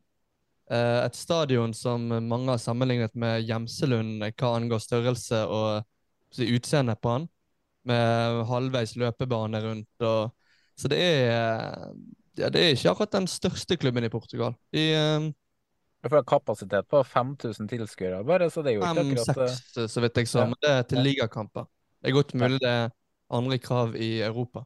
Jeg vet iallfall at de, de fikk lov å spille på, på hjemmebanen sin da de var i Europacup sist. Men eh, Så det er jo alltid noen sånne lisenskrav og sånne ting. Men uh, det blir nok den banen vi, vi, skal på. Ja, for de har jo spilt uh, og Jeg sjekka litt på laget her, og de har jo gått litt sånn opp og ned, de. De rykka vel opp i det må ha vært 2015, og så spilte de kvalifisering til Europa 2016, hvor de tapte mot Olympiakos etter ekstraomganger. Og så rykka de ned året etterpå igjen, og var ned i to år før de kom opp nå, da. Eh, er det noe Du har sikkert gått litt gjennom spillerstallen deres. Er det noe navn som du drar kjensel på? Ja, det eneste jeg eh, så, så det var en, en Busquets fra Barcelona, men han var jo ikke i slekt med, med han eh, Sergio Busquets. Jeg har vært i troppen. Så er det en uh, akademispiller fra, fra, Fulham som var den jeg dro mest kjensel på. Mm. Men um, ja, litt, noen som har spilt på litt ulikt nivå. Portugisisk liga er jo ikke en, um, en dårlig liga. Det um... men, men, akademispiller fra Fulham, er det vel en i Haugesund nå, Johannes? Eller var det i fjor? Um, ja, vi har han eh, Adrian Pajasiti, som kom fra Fulham. Han spilte på uh, dette her en uh, toerlaget deres i uh, Premier League 2. Uh, så har, han har vi fortsatt. Fin kar, han. Så det trenger ikke å bety noe at de har vært i full MA-stasjon? Nei, nei da, for all del. Han, han uh, spilte en sesong i, i dansk superliga òg, før han fikk gjennombruddet sitt i, på toppnivå da, i Aroka. Um, ellers så har de mistet uh, treneren sin. Uh, treneren han dro til Brasil. Um, og de endte altså da på femteplass med negativ målforskjell. De, de skåret eh, 36 mål på altså Det er 34 kamper i ligaen, eh, og de slapp inn 37 mål. Så det, det trenger ikke bety noe nå når de har fått ny trener, men eh, det, høres ut, det, høres ut som, det høres ut som norsk fotball, det der, egentlig. Ja, det høres ut som eh, kanskje Brann under LAN. Ja, da veit jo Brann hvordan de skal angripe det her, da. Men Ja, eh, det, det er jo litt vanskelig å altså, uh, spå eller ha noe inntrykk av hvordan Brann skal uh, se ut, eller om de er favoritter eller ikke. For uh, så fort man hører et lag kommer fra Portugal, så tenker man jo oi, da, da må de være gode. Men samtidig så vet vi at den sesongen her så kan jo fort rykke ned igjen. Så Johannes, eh, Aroka, er det noe er det noe du har kjennskap til, eller er det hvordan tenker du Brann står stilt i de oppgjørene her? Det er absolutt ikke en klubb jeg har noe særlig kjennskap til. Jeg eh, ble presentert for denne klubben nå som de kvalifiserte seg til Europa. Men jeg kan jo på generelt grunnlag si at nye klubber som kvalifiserer seg til Europa, som bortimot aldri har spilt i Europa, sliter ofte med å tilpasse seg. De har ikke den erfaringa som trengs. Og det tror jeg O Arucha, eller det kommer O til å bli vist gjennom Aruchas prestasjon. Jeg kan jo si det på denne måten som at jeg tviler sterkt på at Arucha tar seg inn i et gruppespill i år. At, det, at Arucha ryker ut mot Brann, det, det kan jeg ikke svare på. Men så er det sånn også at disse her eh, Portugal de har jo fire lag som er i en egen liga. Eh, Aroca de endte 20 poeng bak uh, laget plassert foran seg. Sporting, som vi alle kjenner. Og du har jo Porto og Benfica som ligger foran der. Men bak der så er det, der er det litt uh, ymse. Men por portugisisk liga i seg sjøl, den er jo uh, strålende. Men det er litt sånn, litt sånn som skotsk liga med, med så Celtic og Rangers tradisjonelt sett har vært at bak der så kan man slå ut hvem som helst. Men um, for Brann sin del, så når vi var inne på dette her i sted med at man kan overta siding, så var det jo litt uheldig at um, nå møter man antageligvis et skikkelig kanonlag i en eventuell playoff. Uh, men på en annen side så var antageligvis ut ifra koeffisientene så var Aroka noe av det um, lavest rangerte vi kunne møte. Eh, Det blir jo en kanskje litt sånn som Rosenborg må gjennom, som i neste runde møter Hearts, som er eh, blant de beste av de nest beste. Eh, Forskjellen er vel egentlig at for et norsk lag å møte et skotsk et, så er det litt mer gjenkjennbart. Mens fra Portugal så kan det være alt mulig som kommer. Og nettopp Rosenborg, da, som eventuelt møter Hearts i runde tre, hvis, eller når, vil jeg si, da, slår ut Crusaders. Ole Kristian, hvordan anslår du Rosenborg sine muligheter her? Vi var litt inne på det i stad. Jeg, jeg har ikke sånn kjempeinnsikt i skotsk uh, fotball, må jeg si. Så når jeg så den trekninga, så tenkte jeg ja, det var en god trekning. Og så ser jeg på Twitter at det var en tøff trekning, noe av det verste vi kunne få. Så um, jeg forventer at det blir, hvis jeg skal gjette, basert på det lille jeg vet om skotsk fotball, så tipper jeg at det blir det samme som Crusaders, bare ganga med fire-fem. At de er bedre på alt, men at det blir en jævlig tøff fysisk eh, batalje. Og eh, nei, og så kommer vi oss videre derfra, så, så er jeg på en måte um, Jeg skal være helt ærlig, så jeg håper at vi kommer oss til et europagruppespill. Men jeg, blir overraska om vi får det til. Eh, fordi det ville jeg også tenkt før det her trenerbyttet skjedde, da, men eh, det vi driver og bygger, det, det er så diametralt motsatt av det vi har drevet med i de siste årene, at uh, vi skal ha litt flyt og litt marginer. og hvis, hvis Hearts er en sånn motstander som, som har ting litt mer uh, Som har et mye mer etablert spill eller uh, relasjoner som er sterkere, så, så skal vi få det tøft. Men det er også litt viktig for meg det her med altså Rosenborg har ikke noen tradisjon for å ha noe særlig mye folk på Lerkendal i sånne her type kamper. Det kommer gjerne 7000-8000-9000, fordi jeg vet ikke hva det er, om det kommer av at folk tenker at uh, hvis det ikke er Champions League, så skal ikke vi komme. Uh, jeg er jo helt overbevist om at Rosenborg hadde aldri, aldri slått Ajax i 2017 hvis det ikke var for at det var helt utsolgt. Vi hadde ikke klart det med 15 000 eller 16 000 eller 17 000. Helt, helt helt. Uh, ja, det, det der må folk, uh, trønderne må liksom ta seg litt sammen på det der, for det, det er en ny tid. og hvis, Jeg tror kjernen kommer til å være utsolgt, for de, de, de, mobiliserer voldsomt. Men jeg, jeg håper virkelig at det liksom ikke er sånn 6000, og vi selger bare nedre delen av tribunefeltene. liksom. Eh, For hvis vi, hvis vi får til å mobilisere der, så vil det være en kjempefordel for oss, tror jeg. Eh, selv om jeg vet ikke hvor mange Hearts har på sine hjemmekamper, mulig at de er vant med det, men, men det er et løft, og er, vi trenger det, tror jeg. eh, for å Jeg tror stadionene er, tror stadionene er ganske sånn sammenlignbare. Jeg tror de er på ca. like store stadioner som eh, Lerkendal. Ja, ikke sant. Og vi har vel hjemmekamp i den første kampen mot Hearts, tror jeg. Starter hjemme. Eh, nå er det riktignok ikke bortemål eh, lenger her, da, men, men vi må få en, et godt resultat med oss der. Og det å ha publikum i ryggen så vi kan liksom feie over dem litt. Eh, det er i hvert fall lettere å feie over dem hvis vi har 18 000-19 000 der. Eh, så jeg håper at eh, trønderne, selv om det er sommer, at eh, folk er borte eller sitter på stranda, at de møter opp og skjønner også sin rolle i det her. Det, skal vi tilbake, så må vi være alle sammen. da. Kommer det 18 000-19 000, så skal jeg gå naken. Nei, jeg er fullfører ikke. Ja, jeg, jeg, har, jeg har ikke trua på det, her, men nei. det er, mer et, eh, det er mer et skrik i skogen om at folk må komme på den kampen. For det, det, selv om Hearts ikke klinger på en måte som, som en del av de lagene som har vært på Lerkendal før, så, så må vi starte et sted. Og alle burde være med å bygge den på nytt. Helt enig. Johannes, hvis de tar seg videre, møter Hearts, går videre derfra, hvordan ser Rosenborgs vei ut da? Ja, da tenker du på playoffen, da, etter uh, Hearts. Mm. Um, det som er, er jo at playoffen har ikke enda blitt trukket. Det som vi vet, er at Rosenborg vil bli usida i eh, playoffen, som er meget uheldig. Um, og av disse sida-klubbene som Rosenborg kan møte, så finnes det en haug av klubber. Men bare for å kjenne litt, litt på nivået, så kan jeg nevne et par av de som Rosenborg kan møte. Gjerne. Dette er f.eks. Eintracht Frankfurt, Klubb Brygge, Fenerbahçe, Gent, Aston Villa, Pauk. Så dette her er et klubber med et skyhøyt nivå um, eh, som, som Rosenborg kan møte. Og det er Og- samme som Brann kan møte, ikke sant? Ja, det stemmer. Så Rosenborg og Brann er begge usida. Um, og denne her playoffen til Conference League er såpass tøff og berykta at playoffen her er tøffere enn en gjennomsnitts, gjennomsnittlig gruppespillskamp. Så det er et knalltøft nåløye for å ta seg inn i gruppespillet gjennom denne playoffen.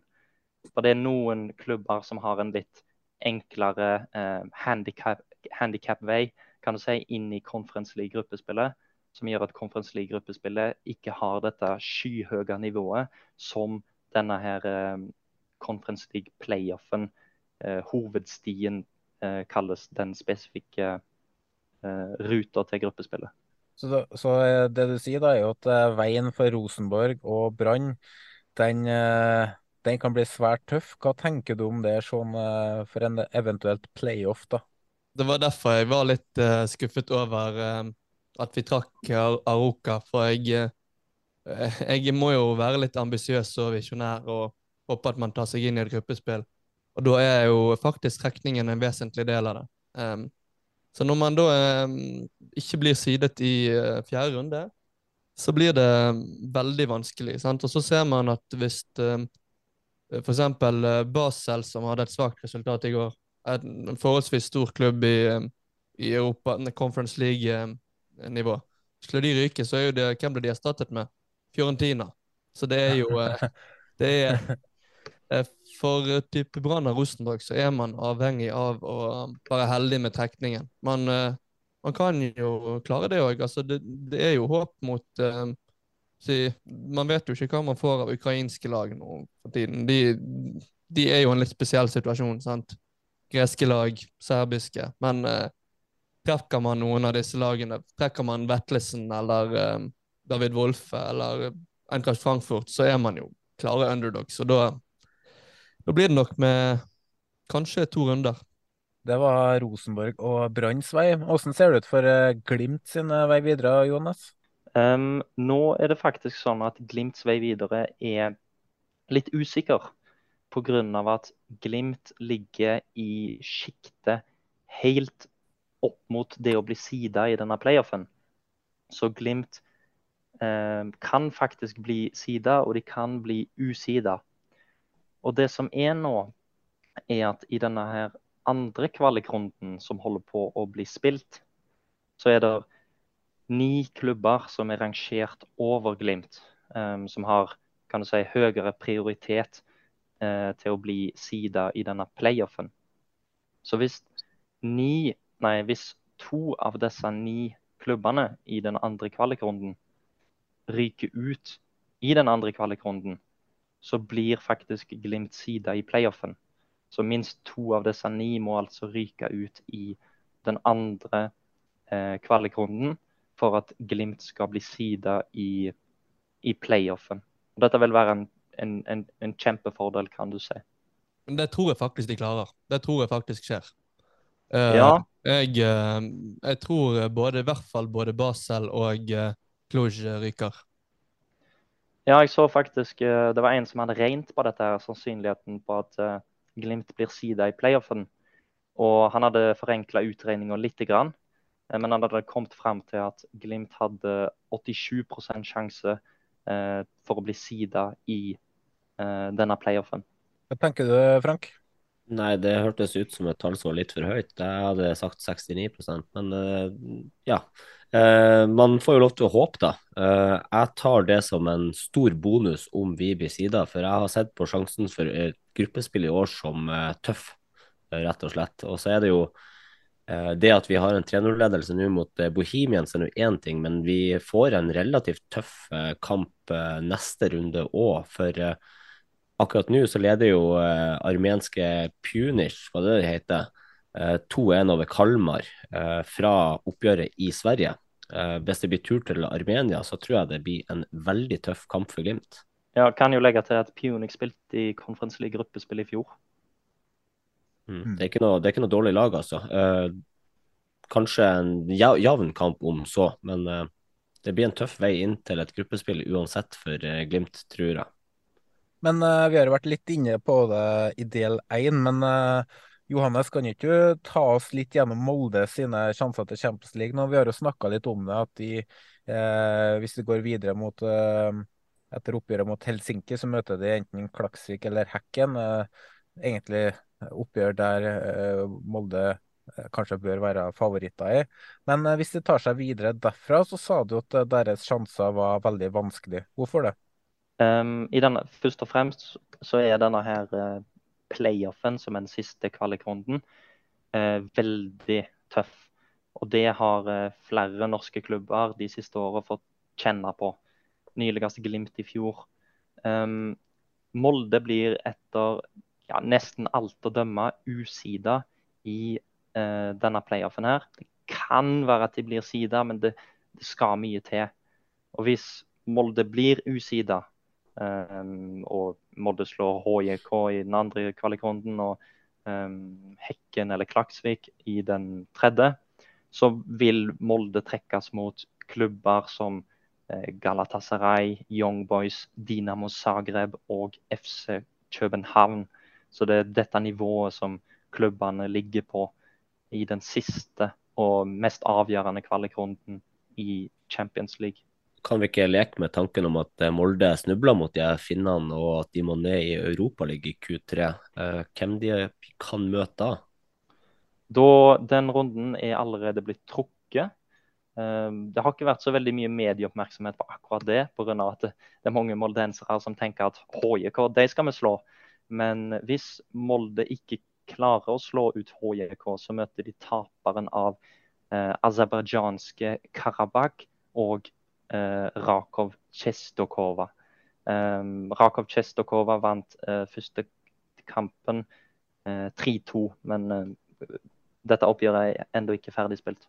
Men eh, møter f.eks. Karabakh, så kan de jo ryke ut der og komme ned i playoffen til Conference League. Vi har røket mot Karabakh før, vi, Ole Kristian.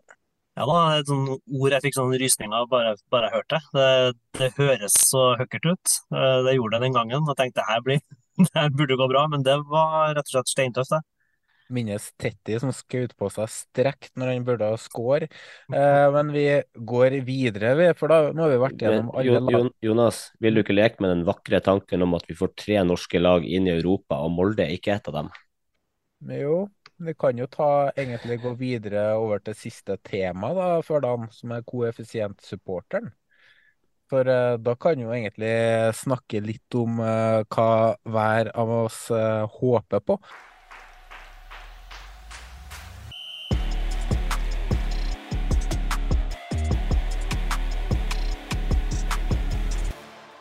For hver gang det er europacupsommer og kvalifisering, så så blir det litt sånn småkrangling på Twitter, for det er noen som mener at eh, alle i Norge bør holde med det, det, andre laget, sånn at de får flest mulig norske lag i eh, Europa, fordi at eh, da blir det lettere for norske lag å kvalifisere seg senere. Og så er det noen som er uenig i det, og så blir det litt krangling, og noe blir litt, eh, litt drittslenging, og så blir det litt banter, og så ja, så, sånn pågår det egentlig hver eneste sommer. Eh, kan ikke vi starte med deg, Johannes? Hvordan, eh, er du en koeffisientsupporter? Ja, jeg tenker at det blir en eh, passende beskrivelse. For jeg, jeg håper at de norske klubbene gjør det så bra, så bra som mulig i Europa. For jeg ser disse fordelene som du nå nevnte. Jeg, jeg, jeg er veldig glad i Europa sjøl, og jeg syns det hadde vært kjempekult om det hadde vært blitt litt lettere for FK Haugesund å ta del i det igjen.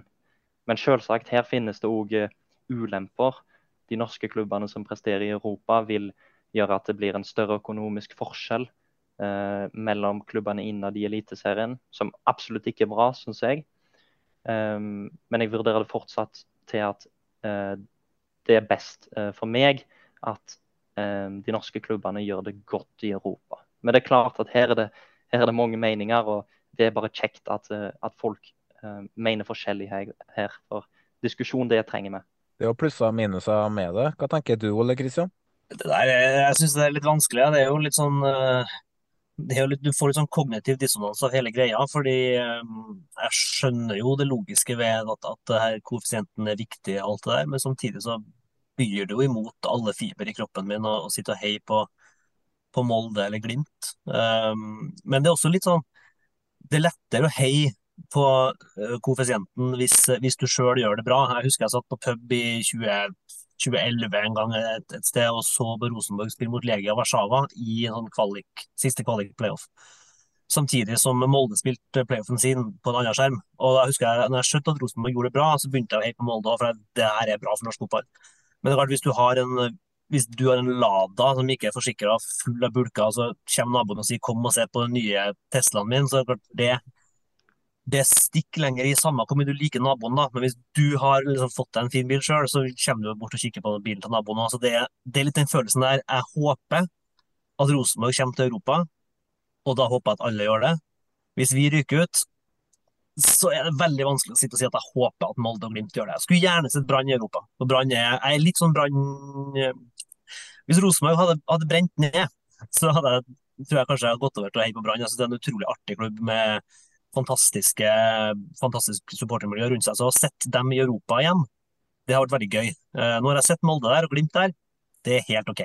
Jeg tenkte det samme når Brann var nede i Obos i fjor, at faen jeg savner Brann, men det tok ikke lang tid, altså. Nei da.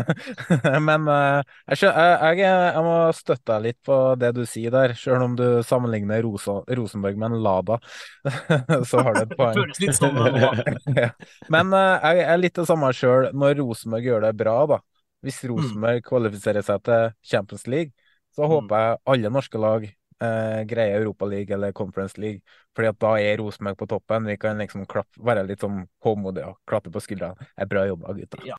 men, men når Rosenborg er der de er, og for det første har dårlige kort eh, på handa for å komme seg til Europa, og da er vi inne på det Johannes snakker om. Rosenborg går ut, Molde, Glimt inn, og så blir avstandene enda større.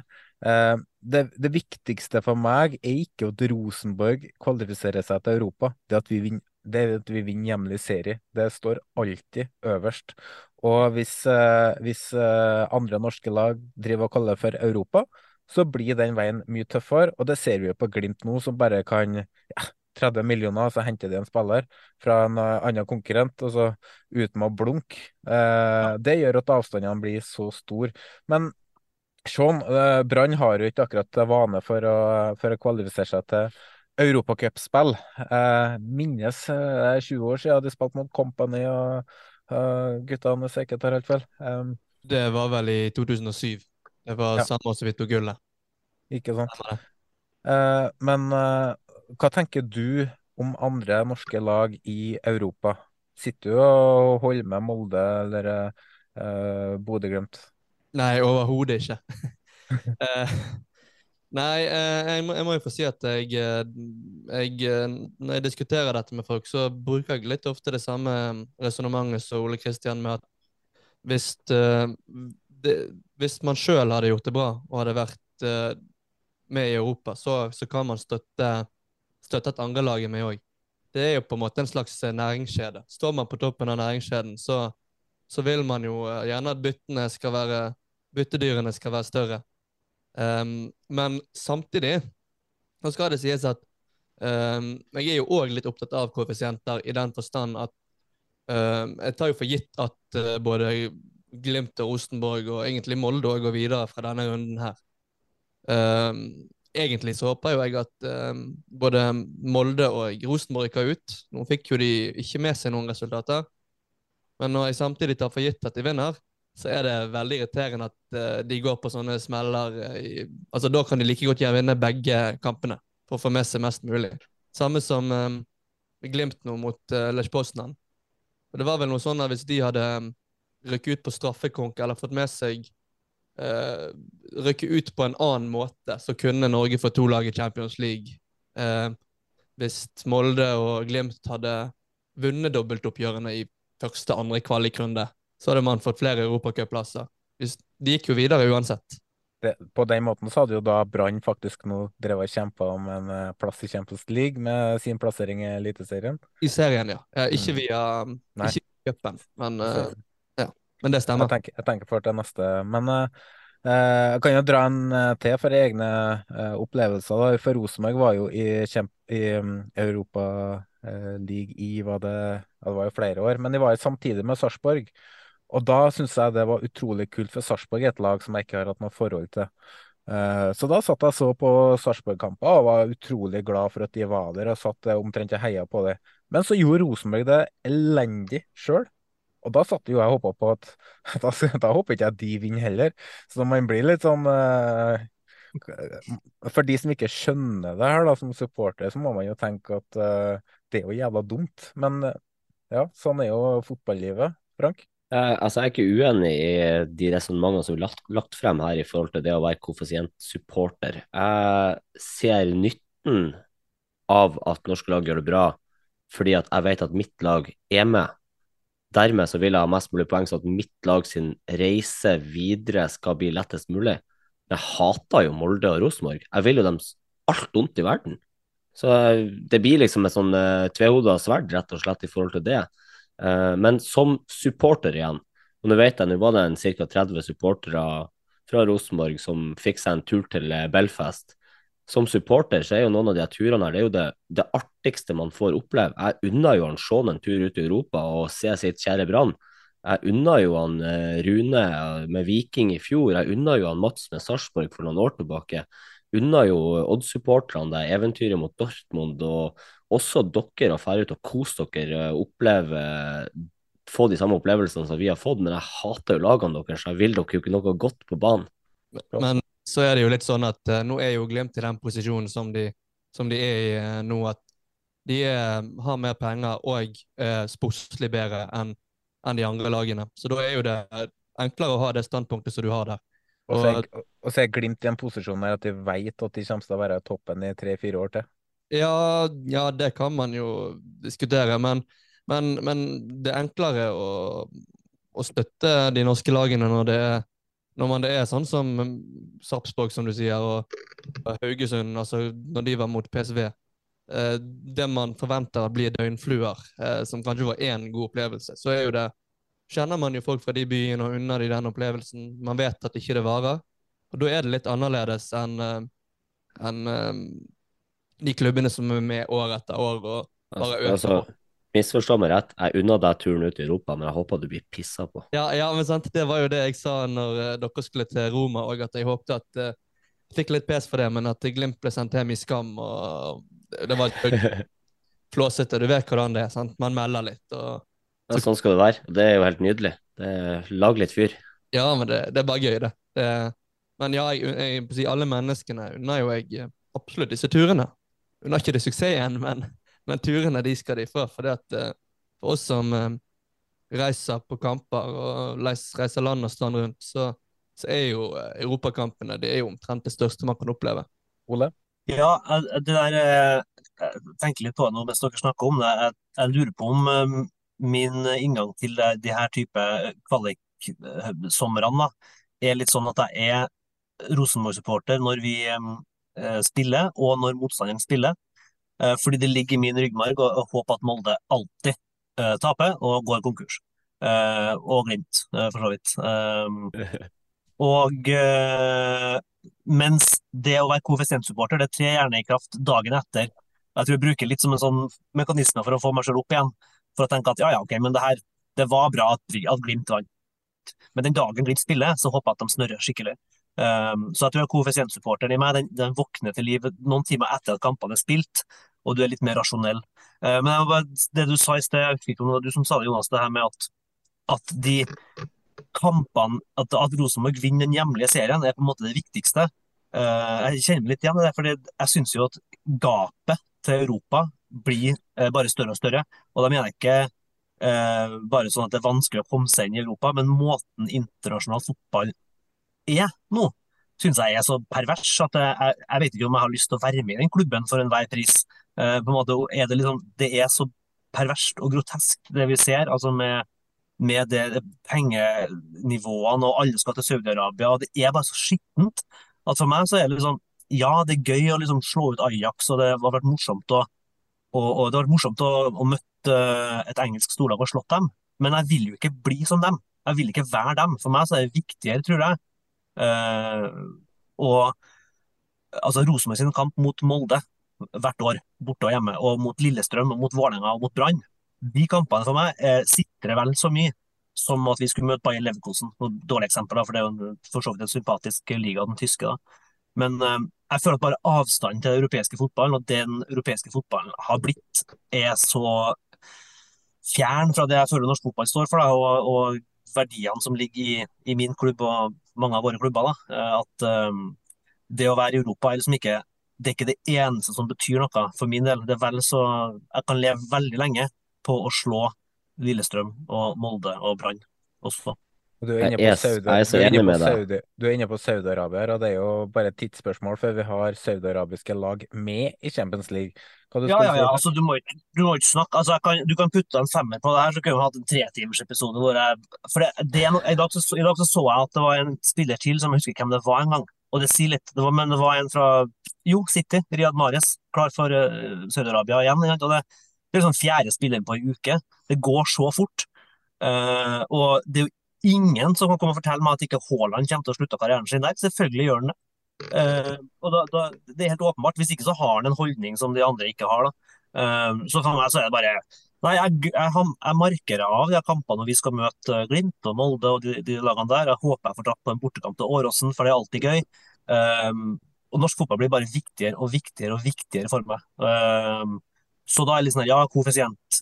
Ja det er bra om vi hevder oss, det er bra om vi ikke blir helt sånn her, men, men den hjemlige ligaen vil fortsette, tror jeg, å bli viktigere og viktigere. Fordi den europeiske er i ferd med å bli helt uinteressant. Jeg har ikke sett en Champions League-kamp på fire år. Jeg, jeg, jeg har ikke sett Tottenham, som jeg har fulgt siden jeg var liten gutt. Jeg har ikke sett Tottenham-kamp på snart fire år heller. Det er helt totalt uinteressant, for de lever så avskåret fra virkeligheten. Det er så deilig å høre alt det du sier, Ole Kristian. Og det her er også litt av grunnen til at jeg er blitt så glad i Conference League. Fordi at det er en turnering som fortsatt Det virker som at det er den turneringa som har mest sjel nå ute i Europa. Det er kule klubber, det er eh, og lag som på en måte ikke får de her europaeventyrene hvert år osv. Og, så videre, og er bortskjemt med det. det er, når det kommer 600 eh, Bohemians Praha-supportere oppe hit, så har de den beste turen sin på mange, mange mange år. De storkoser seg. Selv om at de har tapt 3-0, så er de ute og fester og er blide og hyggelige. Altså, det, det er sånn der type sjel som fortsatt er i fotballen, heldigvis. Men det får du ikke i Champions League lenger. Synes det her var en eh, fin avslutning på episoden eh, fra Ole Kristian og Frank her. Eh, Det var det vi hadde i dagens episode, og vi håper at dere ble litt klokere på hvordan koeffisienten fungerer. Både når det gjelder liga og lag, og at det har vært litt læring. Så tusen takk til Sean, Ole Kristian og Johanne som tok seg tida til å være med oss i dag. Takk også til Moldes assistenttrenere eh, Trond Strande og Erik Mæland. Og så må vi videre få takke Jesper Horten Skjærnes og Vestfold Lydstudio for jingler, Iver Steinsvik for utstyr, Jan Erik Balto for design og merge. Takk, Frank. Sjøl takk, Jonas. Tusen takk, gutta. Så, Takk for eh, meg. så sier vi at eh, dette var det. Ha det bra.